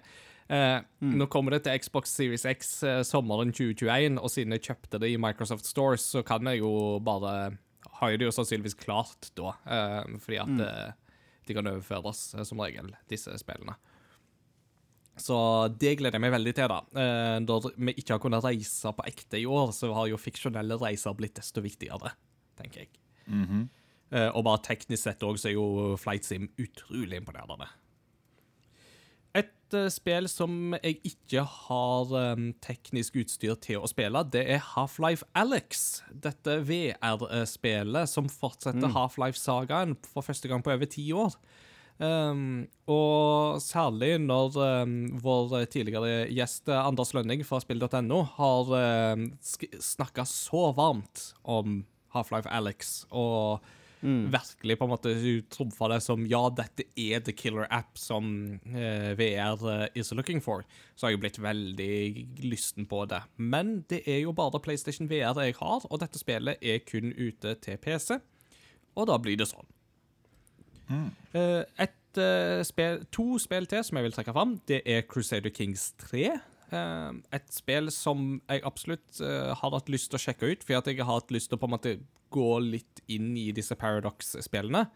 Eh, men igjen, tid og overskudd og alt, og økonomi er en faktor. Og så er det jo da, til slutt så vil jeg også nevne Yakuza Like a Dragon. Det aller nyeste Yakuza-spillet som kom nå i november, blant annet da til Xbox Series X. Um, Og som har fått veldig gode tilbakemeldinger, um, og virker veldig gøy og lovende, selv om de har et nytt kampsystem og sånt i det, og en ny hovedperson og alt. Men igjen, her ligger noen spill bak, så da venter jeg med det til neste år. Uh, og det, det har jeg absolutt en ambisjon om å få, få spilt, så yes. Da, når vi har fått kryssa ut de caveats der om ting vi ikke har spilt, så tenker jeg det er på tide med hovedkategorien. Martin, if you please. Årets beste spill i 2020, hva er det for noe? Hey. Da må jeg innrømme at jeg plutselig ikke tok eh, julesangen, men eh, det kan hende. Ja, jo, jo, nå, nå tar jeg den. Nå tar jeg den. nå tar jeg den. OK, takk. Eh, jeg, jeg klarer ikke å uh, synge videre på sparket. Eh, all right. Årets beste spill 2020. Hva er det? Og Da lurer jeg på hvem har lyst til å begynne her. Jeg kan eh, starte med min. Da bare tar jeg kjapt eh, topp ti. Eh, Den lider jo mye av at jeg, i år så har jeg hatt eh, litt sånn slapt forhold til å spille nye ting, som jeg har som nyttårsforsett å bli bedre på. Og få med meg litt av, eh, av nye ting, og ikke være å sitte på gjerdet så mye. Eh, Så den lider jo litt av eh, å ikke representere 2020 så godt, da. Eh, men jeg kan bare ta det kjapt. På tiendeplass Final Fantasy Crystal Chronicles Remaster, selv om det var en skuffelse. Eh, Nummer ni Fall Guys. Det er ganske moro. Det er liksom eh, eh, Savner fortsatt eh. Sofa-coop savner jeg fortsatt. da Altså lokal coop. Mhm. Eh, Åttendeplass Fifa 21. Det har jeg fått eh, mye glede av. De har gjort nok Ja. fornyelser til at jeg syns det kan bli med. Mm. På syvendeplass Football Manager. It's the Football Times. Og de har fått en del nye forbedringer, faktisk. Ja. Så det liker jeg. Så har jeg juksa litt på sjetteplassen med Griftlands. Eh, fordi Hvorfor det det kom juks? ut på Steam i år. Eh, så eh, det var i år jeg spilte det. Og det er kjempegøy. Det er jo eh, et steampunk-univers med kortbasert eh, både liksom eh, samhandling og combat. Mm. Eh, så negotiation og combat, på en måte. Eh, så egentlig Slay the Spire meet uh, Disco Elysium. Jo. Mm. Så det har jeg på sjette. Og så på femte og fjerde har juksa litt, fordi jeg spiller jo um, ongoing games as a service. Eh, Heartstone har jeg da på um, femte med, med Battlegrounds, den autobattleren som de har uh, fått, som man fornyer spillet, sånn at Ja. jeg spiller det mye. Mm. Ja, Teamfight det, det er Tactics. innafor. Yes, Teamfight Tactics, de patchene som har kommet i dette året, har vært uh, på høyt, høyt nivå. Liker jeg veldig godt. Uh, Tredjeplass, Final Fantasy 7, fordi jeg, har- spilt demoen. Ja. Så uh, um, syns jeg liksom at det var eh, bra nok til å pirre Mm. videre. Uh, Andreplass, uh, The Last of Us 2. Det um, Altså, det er jo bare så bra lagd. Mm -hmm. uh, selv om det er ikke helt min cup of tea, så er det så velprodusert, så bra manus, stemmeskuespill, grafikk eh. Detaljnivået. Ja, altså eh, Velfortjent Game of the Year av eh, Game Awards, var det vel? Absolutt. Ja, Absolutt. altså, ja, ja, ja. Ingenting å utsette på det. Det var Ja. helt, eh, helt på sin plass. Og så Spillet som jeg har fått spilt siste døgnet, er Hades! På førsteplass, of course. Altså, jeg kunne ikke ikke spille Hades etter eh, Altså, jeg er jo en fan av Supergiant Games. Jeg elsker Bastion. Og Hades er på en måte en oppgradering av Bastion, føler jeg, liksom, på, på alle måter av combat og, og story. Og eh, ja, det, det er så nydelig og briljant av et så indie-studio, da. Og uh, du snakket om Game Awards tidligere, da. Der er det jo pluss i boka for at Logan Cunningham endelig fikk en uh, award for sine stemmeskuespillerprestasjoner. Uh, for han har jo vært en stayer i alle, altså alle Supergiant-spillene. Det er jo han som er fortellerstemmen. og Ja. eh, Listen, kid. eh, Som Hades himself, det. Ja, og det er jo ha- Hades sjøl her, vet du. Do not mock me, boy. Boy. Ja, ja, ja. Nei, det er, det er så bra spill, Hades. Ja. Åh. Nei, det var en eh, fryd å høre at du har fått uh, mulighet til å spille det og uh, elske det. Det, ja, det er helt på sin plass. Yes. Yeah. God topp eh, ti-liste. Godt å blande der. Uh, og noen som kommer til å komme igjen uh, litt seinere, vet jeg. Så yeah. Mats Jakob, da syns jeg du skal få lov å overta. Det skal jeg få lov til. Jeg, altså, dette er jo for de som langva langvarige lyttere, kjenner jo til at min topp ti som regel består som regel av mindre enn ti spill. Eh, for det er som regel eh, mindre enn ti eh, eh, nye, nye spill som eh, er forspilt. Eh, og eh, reflekterer jo på en måte Det har jeg tenkt mye på i det siste. Det den lista reflekterer på ingen måte mitt spillår. For det, det, det er ikke nødvendigvis disse spillene jeg har spilt minst. Og det, de to, den er, det jeg har spilt mest av dette, er litt juks, og det andre eh, er, blir på en måte veldig feil av toppspill fra 2020. Men eh, Så dette er ikke noe bestemt rekkefølge. Eh, men jeg har eh, spilt enda mer på det spillet som heter Choices That Matter and Then The Sun Went Out. Dette tekstspillet Ja. med dysleksifont. Eh, s- Superspennende story. Det er veldig, veldig gøy når du får liksom velge hvor ting skal gå. Mm. Eh, og jeg har ikke spilt så fryktelig mange sånn eh, eh, spill hvor på en måte ting du svarer, har på en måte noe å si for det du gjør, da. Og her er jo på en måte det hele gameplayen, er jo at du tar valg, og det får konsekvenser for storyen. Eh, Så når jeg spiller det her i en litt sånn uh, Hva skal jeg si Et litt sånn rent format, så, så skjønner jeg hvorfor det er en, blitt en ganske stor del av rollespill. da At det, valgene du tar, har noe å si for hvor storyen går, og hvem du møter, og så videre. Mm. Så absolutt eh, høyt anbefalt. Eh, så kommer juksespillet, eh, for det er Pokémon Trading Card Game Online. Pokémon kommer jo på, kom jo på ingen måte ut i 2020, men Expansion, som kom ut i 2020 med Sword and Shield, har spilt veldig, veldig mye. Jeg syns uh, retningene de har gått med kortene, er veldig kult. Mm. Uh, en uh, morsom ting å, å poengtere er at et av kortene som er i den nyeste utvidelsen, er allerede blitt banna fra, fra spillet. Eh, altså, det er uh, banna fra alle andre former for spill utenom det som kalles for standarder, hvor du spiller med de nyeste settene. For de kan ikke Mhm. banne et kort som er med i et nåværende sett. Men er det Kadabra de har banna? Nei, det er, et, et, det er et kort som heter Reset Stamp, som uh, Ah. er eh, litt for OP. For det de sier at uh, Iallfall sånn endgame uh, Du sier at eh, motstanderen må stokke hånda si inn i dekket og trekke like mange kort som de har price cards igjen. Så du Mm. kan jo risikere å sitte med ett price card og ha en ganske lina opp en god hånd, og så får du, må du legge tilbake, og så får du bare trekke ett kort. Mm. Så det er liksom det ultimate stikkjepper i hjulene på folk-kortet. Så det er, det er ikke rart at det er blitt banna egentlig ganske kjapt. Merkelig at de lite gjennomtenkt å legge det med i det hele tatt. Mm. Eh, og så eh, kommer vi jo litt høyere kvalitetsnivå. Eh, Paper Mario and The Origami King. Ja. Veldig, veldig gøy spill. Eh, liker eh, veldig godt eh, Hva skal jeg si Jeg syns eh, den combaten vokste veldig på meg. Denne her eh, combaten er jo at du har litt sånn is, det, det, det måte, Du står i midten av en sirkel, og så driver fiendene og stokker om på formasjonene, og så har du tid på det til å, eh, og antall trekk på det til å liksom sette de i gode formasjoner som gjør at det er lett for deg å, å få maks ut av angrepene dine. da. Mm. Eh, og det er jo en av de tingene som gjør at eh, Ludvig hos meg ikke på en måte får det til.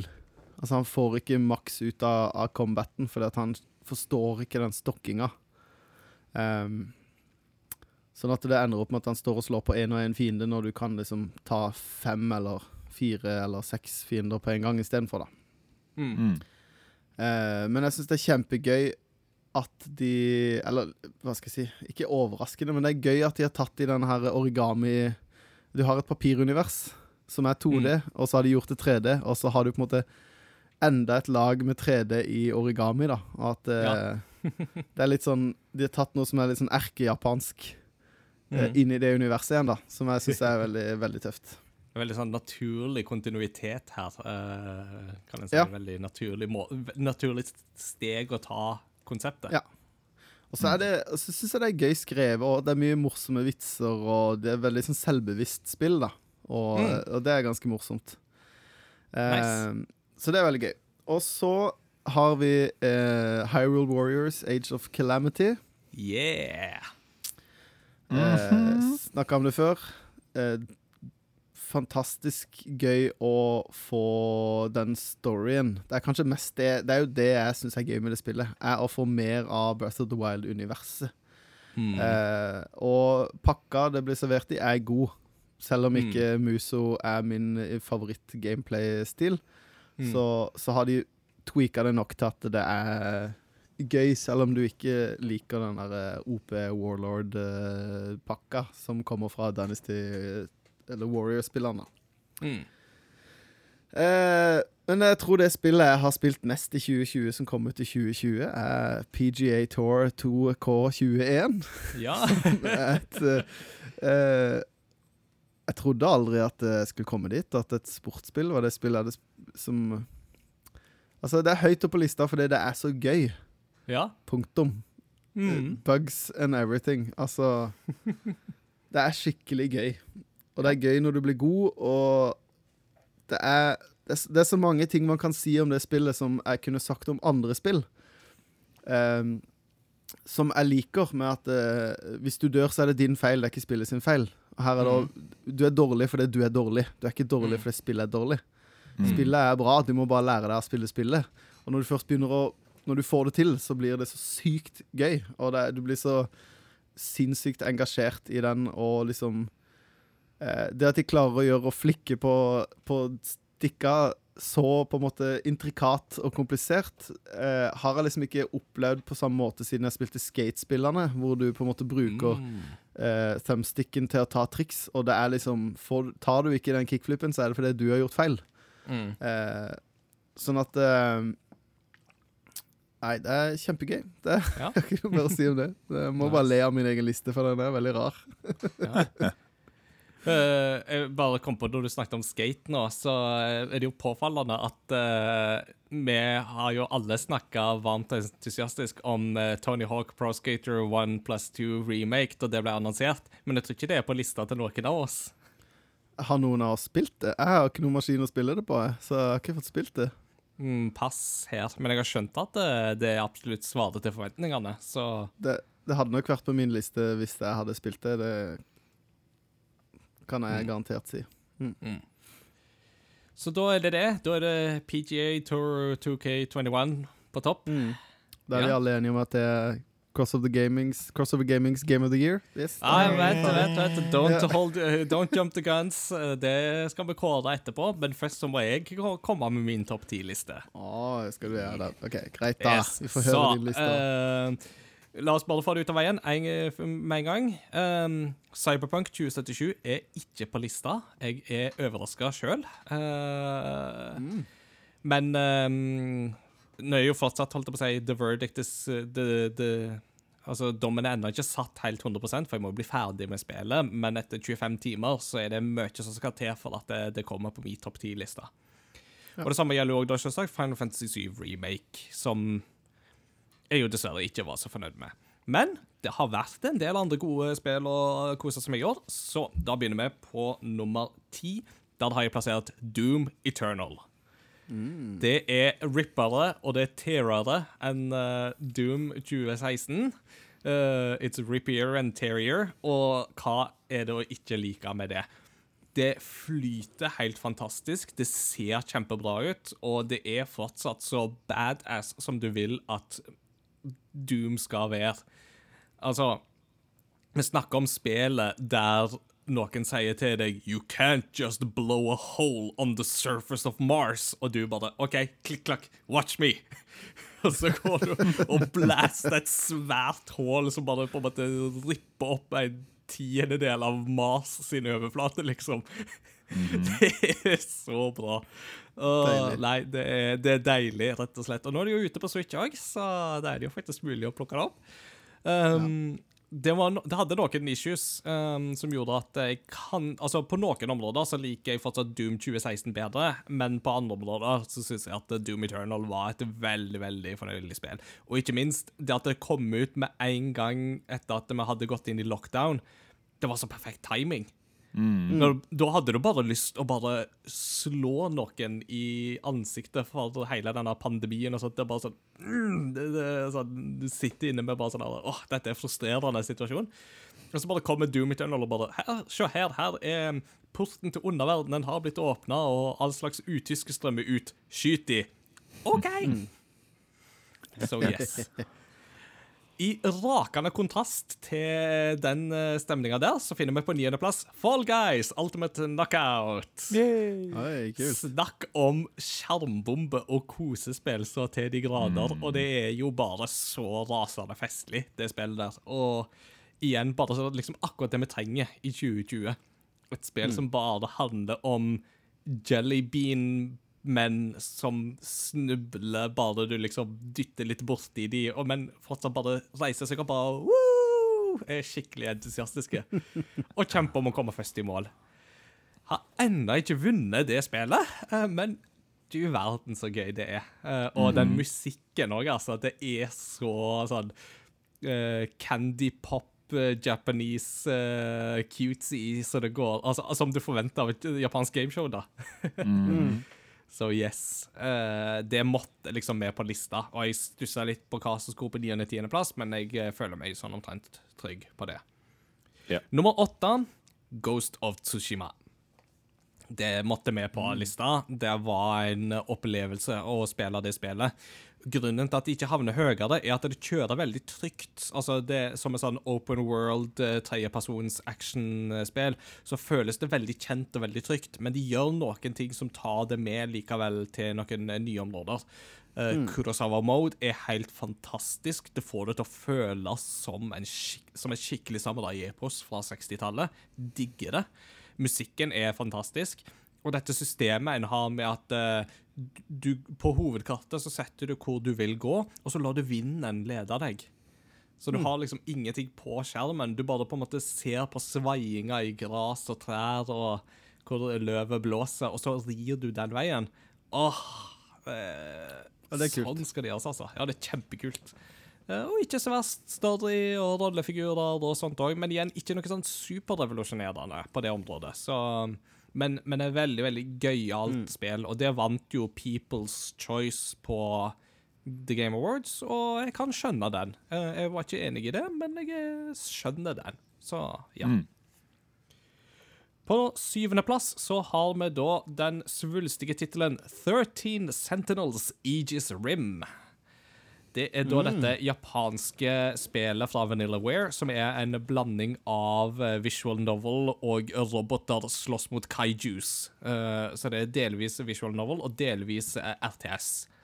Um, fabelaktig fortellerteknikk i det spillet, med at du har 13 forskjellige historier som er fortalt i bruddstykker på kryss og tvers, og du vet liksom ikke hvor i forskjellige timelines dette havner, og det er time travels, og det er monstre, og det er hukommelsestap, og du vet ikke hva. Og det, det å liksom gradvis nøste opp i det mysteriet der, åh, det var så kult, altså.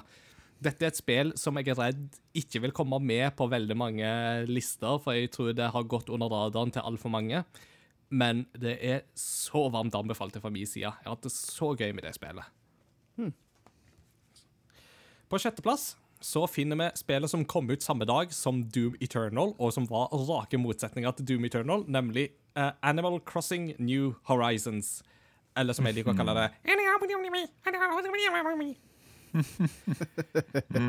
Dette er mitt første Animal Crossing-spill, uh, sånn til det hele og det fulle. Uh, og jeg har bare blitt sjarmert i senk. Dette er nok helt klart det spillet jeg har spilt mest i hele 2020. Jeg har hatt det nesten som et daglig ritual å logge meg inn, besøke øya Mordor, som jeg har valgt å kalle den, og bare gjøre sånne helt små, ubetydelige aktiviteter, som å plukke frukt og lage møbler og snakke med folk på øya og uh, Og det er bare så kos, og det er bare så sjarmerende. Og musikken òg i det spillet er bare så chill og smooth. Så det har bare vært liksom det perfekte 2020-spillet.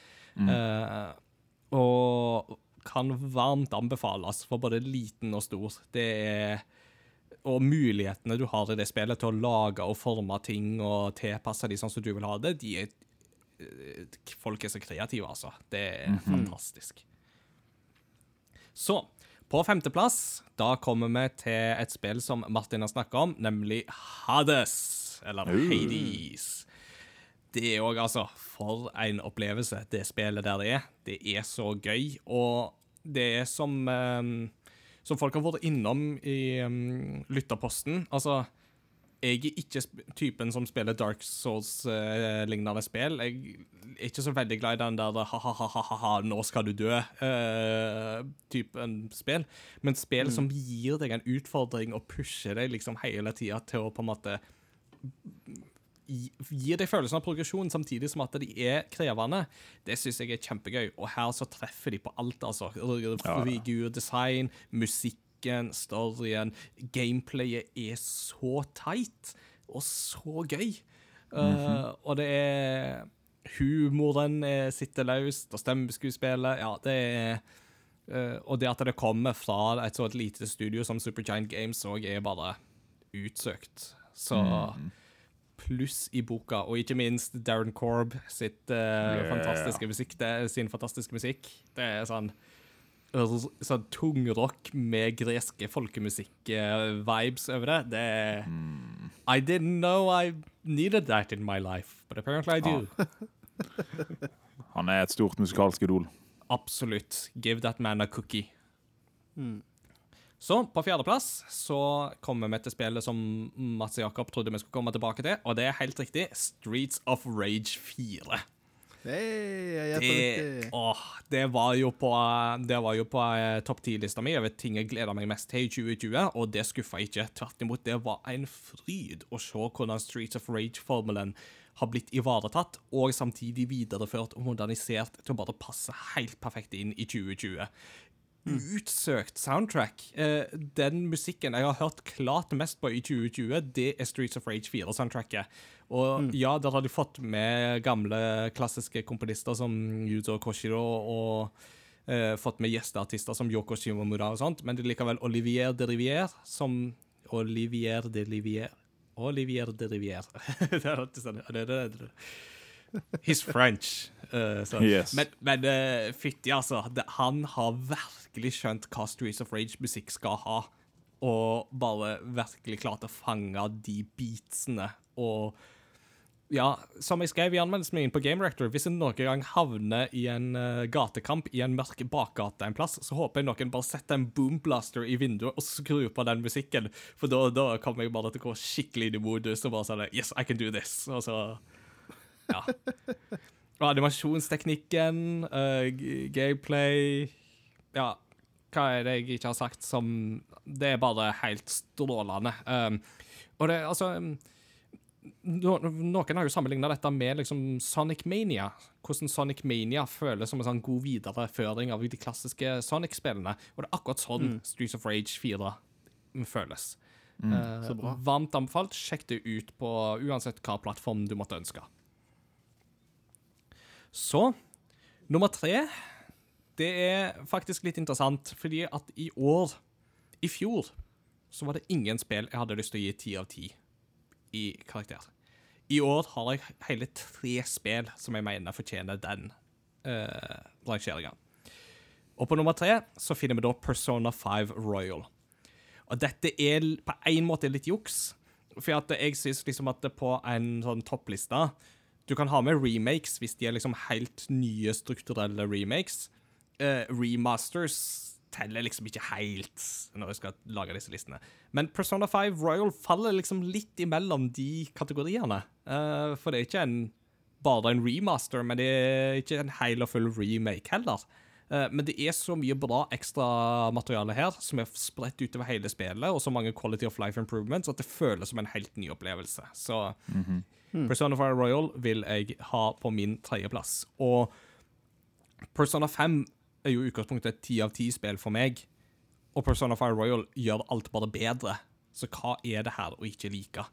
Det er fortsatt et av de beste japanske rollespillere jeg har vært borti noen gang, og stilen og musikken og rollefigurene og historien er så bra i dette spillet. Og så er det så mange gode kvalitetsforbedringer i Royal som gjør at den opplevelsen bare blir enda sterkere.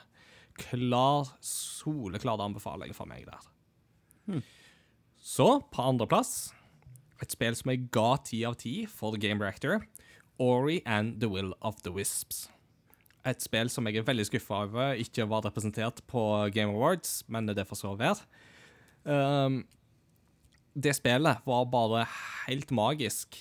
Uh, Ori and the Blind Forest var jo kanskje mitt favorittspill da det kom ut. Og for meg så var det sånn Dette kan de ikke overgå. Det, det kan ikke bli bedre. Men så er det akkurat det Moon Studios gjør. Det er en så nydelig presentasjon i det spillet, og så er det så gøy å spille. Det føles så stramt og tight, det kontrollsystemet, at det er en og, og selv om du dør, så gjør det ingenting, for at det tar sånn, og så er du tilbake igjen og får prøve på nytt igjen. eh, akkurat der du slapp. Um, så ja, det er vanskelig og utfordrende, men det er samtidig så godt lagt til rette for at Ja, men bare prøv igjen, så får du det til. Og musikken til Gareth Coker er jo til å få tårer i øynene av, og hvert bilde i, Altså, du kan ta et skjermbilde hvor som helst i det spillet, og så kan du bare ramme det inn og henge det på veggen. det er på det nivået der. Og så har det større elementer òg, som bare um, er rørende og vakre og ja, det er nesten så jeg fikk ei tåre i øynene flere ganger av det spillet, altså. Og jeg er ikke en som blir lettrørt, så det Ja, det sier sitt. Men det er et spill, ett spill, som overgår Ori and the Will of the Wisps for meg i år, og det er The Last of Us Part 2. Å snakke om å få en tåre i øyekroken The Last of Us Part 2 fikk meg til å sipgrine. Altså, jeg har ikke grenet så mye av noen ting, egentlig, på så mange år som jeg gjorde da rulleteksten begynte å rulle i det spillet der, og et sangstykke komme inn i den rulleteksten. Da var det bare alle inntrykkene som hadde samla seg, som bare fossa ut, og det var bare sånn jeg satt bare igjen med en sånn følelse av for en prestasjon dette spillet er. Eh, som Martin var inne på, bare produksjonskvaliteten i seg sjøl er jo nok til å Altså, du kan ikke ignorere hvor god produksjonsverdien i dette spillet er, med detaljnivå og, og alt. Men det er samtidig For meg så er det likevel det, det narrativet her, altså, som resonnerer så sterkt hos meg med rollefigurene og denne fortellingen om hatets syklus i en postapokalyptisk verden der et rettferdig justissystem, altså en rettsstat, ikke finnes. Hva gjør det med mennesket når hatet får slippe løs?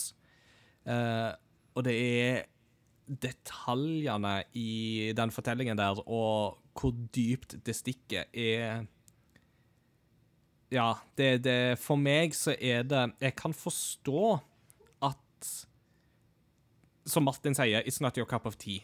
Det har jeg full forståelse for. Det kan jeg absolutt skjønne. Og jeg mener at The Last of Us Part 2 ikke er noe som alle skal spille, for det er veldig rått og brutalt til tider. Jeg tror det blir for mye for folk, særlig nå i 2020. Men at folk skal bare si at nei, det spillet var drit. Altså, det var bare dårlig. Det er en sånn ting som for meg Jeg, jeg skjønner det ikke bare produksjonskvalitetsmessig, men for meg så er det noe med at historien og rollefigurene er så levende at jeg føler jeg ikke har sett maken.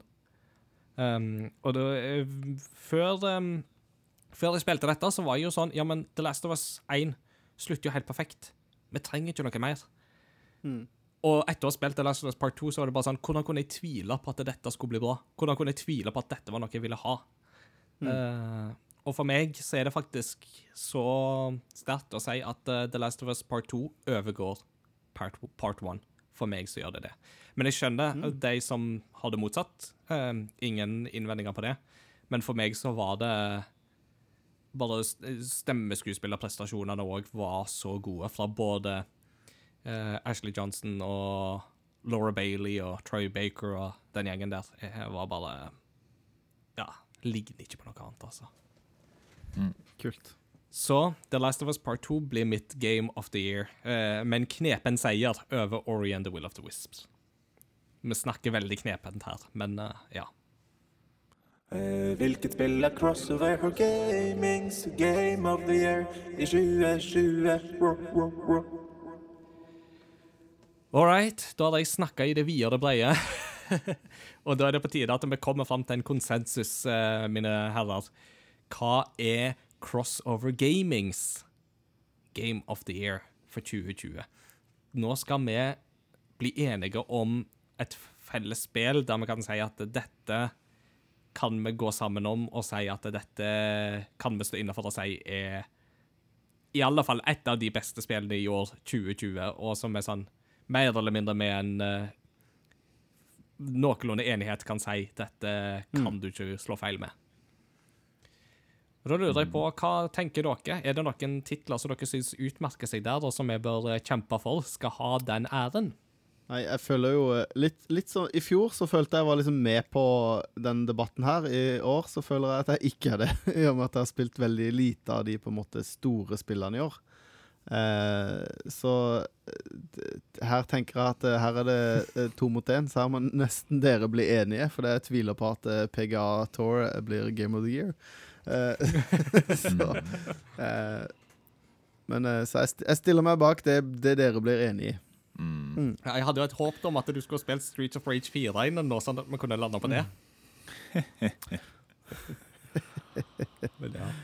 Uh, men Martin, eh, en tittel som jo du og meg begge har snakka veldig veldig varmt om, det er jo Hades. Ja. Eller Hades.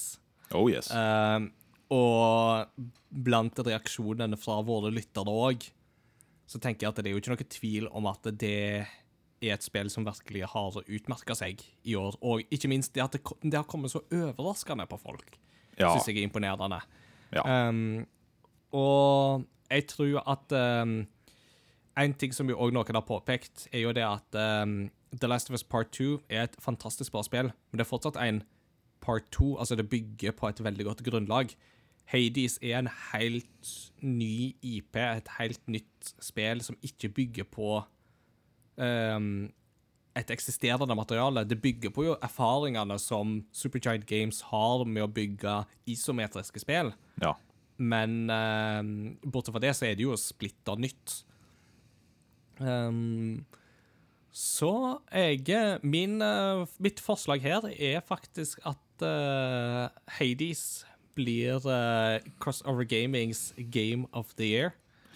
Det er jo eh, Det kommer jo på min førsteplass, og jeg ser jo at eh, mange av lytterne kjemper for det òg.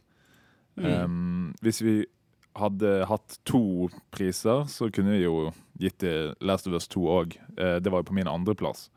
Mm. Um, det eneste jeg syns med det, er at um, for min kopp med te så blir det um, for lineært, fordi jeg er en som liker å lage mine egne historier. Um, Mm. Bare sånn uh, Det er mer en interaktiv fortelling, da, som er gjort mesterlig, uh, syns jeg. Mm. Versus uh, en mer sånn eh, spill der du sjøl kan liksom uh, velge hvor du skal, hvordan det skal gå, på en måte. Um, Det er på en måte eneste Begge to fortjener en pris, men Hades er liksom eh, Jeg synes når det er lagd av et indie-selskap, holdt jeg på å si, så fortjener det ekstra heder. Hater, hater, hater, haters. Hate- Hater og Era. Um, så Ja. um, I hvert fall i tråd med Og- lytterne, så er det jo Mm. Jeg, jeg Og jeg støtter tenk- Hades. Ja, og jeg tenker at uh, det som er veldig greit med Hades, er jo at eh, det er jo på Switch òg. så i juleferien så kan Mats Jakob uh, kjøpe det, spille det, og så kan han eh, komme tilbake etter nyttår så kan han si ja, jeg, jeg er helt enig. Jeg er helt enig. Um, jeg er jo jeg er jo For meg så gjør det jo ikke noe med lineære spill, eh, så lenge det som blir fortalt, er veldig, veldig bra. Um, altså Spill som Brothers og Tale of Two Sons for eksempel, er jo også et eksempel på et veldig lineært spill som forteller en veldig veldig sterk opplevelse og historie. Uh, det var bare et eksempel jeg trakk ut av, Mm. av hatten. Mm. Um, så for meg så var ikke det et, et stort problem med The Last of Us Part 2. Um, av og til så er det faktisk det jeg vil ha. Jeg vil ha en veldig lineær fortelling. Det er ikke alltid jeg trenger å skape min egen historie, liksom. Eh, Cyberpunk 2077 blir jo på sin side nesten for åpent. Uh, det blir så åpent at det blir uoversiktlig til tider, og du klarer liksom ikke helt å finne ut hva du skal gjøre, uh, alltid. Um, du drukner litt i mulighetene, da, på en måte. Men jeg syns det er veldig bra det som du sier, med at med Hades er jo det et aspekt med at ja, du har dette med historier og sånt som det, det er en overordna historie her, men det handler vel så mye om på en måte din egen historie i spillet, med de våpenkombinasjonene du lager deg, og hva for noen av disse gudene du velger å gi uh, nektar til, og Ja. uh, sånt, da. Så uh, Ja, men jeg, jeg tenker kanskje at vi skal si at Hades er Gamer Nei, Gamer, det sier jeg ikke. Det, det, det er min andre jobb. Det er min andre jobb. Freudian Eh, og slip. der- ja, ja. Hva skal vi si? Det er desember. Jeg òg er sliten. Jeg òg tar Ja, ferie ja, ja. Du kan si 'from an indie podcast to uh, an indie developer'. Developer. Love- Uh, very since you're Merry listening to us, uh, Supergiant Games, I just want to thank you for a wonderful game and uh, just uh, share our podcast to every listener you have. Yeah. Nei da, øh, men ja. Hades blir da Crossover Gamings Game of the Year med en sterk honorable mention til The Last of Us Part 2. Hmm. Høres det øh, rimelig og bra ut? Be- beautiful. Yeah. Så da har dere det. Hades ble 2020s uh, Game of the Year. Uh, havna på samme linje som uh, Pokémon Sword and Shield fra 2019 og God of War fra 2018. Eh, Det er de tre spillene vi har drukket og kåra som våre Games of the Year mens vi har vært aktive. Så eh, nå blir det spennende å se hva 2021 bringer. Kanskje det blir God of War da òg som blir The Game of the Year. Oh. Det kommer jo nytt God of War. Ragnarøk. Breath of the Wild 2. Ja. Just saying. ja. Zelda har jo 35-årsjubileum til neste år, så Gleder meg. Skal feire i 365 dager. Ja. Og den som venter på noe godt, må alltid vente litt til. Så Breath of the Wild 2 kommer i 2022. Mhm. I have spoken. That is the way. All right, folkens. Nå har vi hatt en lang og god oppsummeringsepisode. Det er alltid en fryd å gå gjennom disse Disse kategoriene, syns jeg, og se tilbake på året som har gått. Det har vært et bra spillår i år òg, syns jeg. Mye bra å by på. Uh, ja, det har vært utsettelser, og det har vært ting og skuffelser, men uh, alt i alt, det er viktig å se på det som har vært bra òg, og 2020 har bydd på mye bra på spillfronten. Også en liten shout-out til Among us, som har òg gjort tatt, løfta gaming til måte, et litt mer sånn em, interaktivt hakk i, i, i samfunnet, der mange har sittet inne i koronaisolasjon, og så har på en måte flere og flere eh, tydd litt til gaming, føler jeg, da. Og Mm. Among us har på en måte kommet helt opp og bare vært en ganske stor del av, av mange sine liv, faktisk, og gjort at folk kan sosialisere og se på et større nivå eh, at gaming er bra for samfunnet. Mm, Så um, det var en liten shout-out, må jeg gi, da. Mm, kjempebra. Absolutt. Um, for meg så tenker jeg jo liksom fortsatt at ja, men det er jo et 2018-spill, men det er jo ingen tvil om at det har prega 2020 som spillår. Uh, Så det får en sånn liten, må jo få en liten shout-out som for sånn uh, Best Cultural Impact, Ja. uh, tror jeg. All right. Selv om det er høymesse, så kommer vi ikke unna at vi må ha et postludium. Um, men skal vi kjøre litt uh, hovedtema fra Hades, da, kanskje, og få litt uh, gresk uh, rock, folke, folkerock? Det må vi faktisk. året? Darren Korb fortjener såpass. OK, folkens. Da har den lange episode kommet til veis ende. Da gjenstår det bare for oss å takke for at uh, dere hører på oss. Hadde det ikke vært for dere, så hadde vi bare snakka ut i tomme internett, og det hadde ikke vært like gøy. Men uh, dere tropper opp og er med på å skape et fantastisk eh, community å jobbe med, og det setter vi utrolig stor pris på. Så det fortjener dere. The real gamers of the year are you. You're breathtaking. You're breathtaking. dere ha. Yes, you're all breathtaking. Yes. Um, jeg vil også bare nevne at selv om dette nå er siste episode for i år, så vil vi være tilgjengelig i Discord i løpet av jula. Jeg skal være i Oslo hele juleferien, så jeg kommer nok til å game og henge masse på nett. Så hvis det skulle være noe, så bli med der og slå på tråden og bli med på et spill eller to når du får for mye ribbe, pinnekjøtt, lutefisk, Grandiosa og eller medisterpølse. Og så snakkes vi igjen i eh, 2021. Da er vi tilbake igjen sånn eh, rundt eh, 11. januar, tipper jeg. Um, Ikke første mandagen, men uh, dere må gi For da hadde vi måttet tatt opp på nyttårsdag, og det syns jeg blir litt uh, hardt og brutalt. Men eh, jeg tipper sånn ca. 11. januar så er vi tilbake igjen, og da er vi klare til å se mot det nye året. Any final plugs, gentlemen? Anything you wish to plug, I mean? God jul. Uh, kos deg hjemme og game med god samvittighet. Mm. Skal vi ti tease litt uh, at uh, 2021 byr på crossover gaming med en litt eh, ny drakt? Absolutt. Remastered. Eh, Kanskje ikke mer enn det, men eh, eh, Reimagined. Reimagined. Helt riktig. Helt riktig. The reimagining.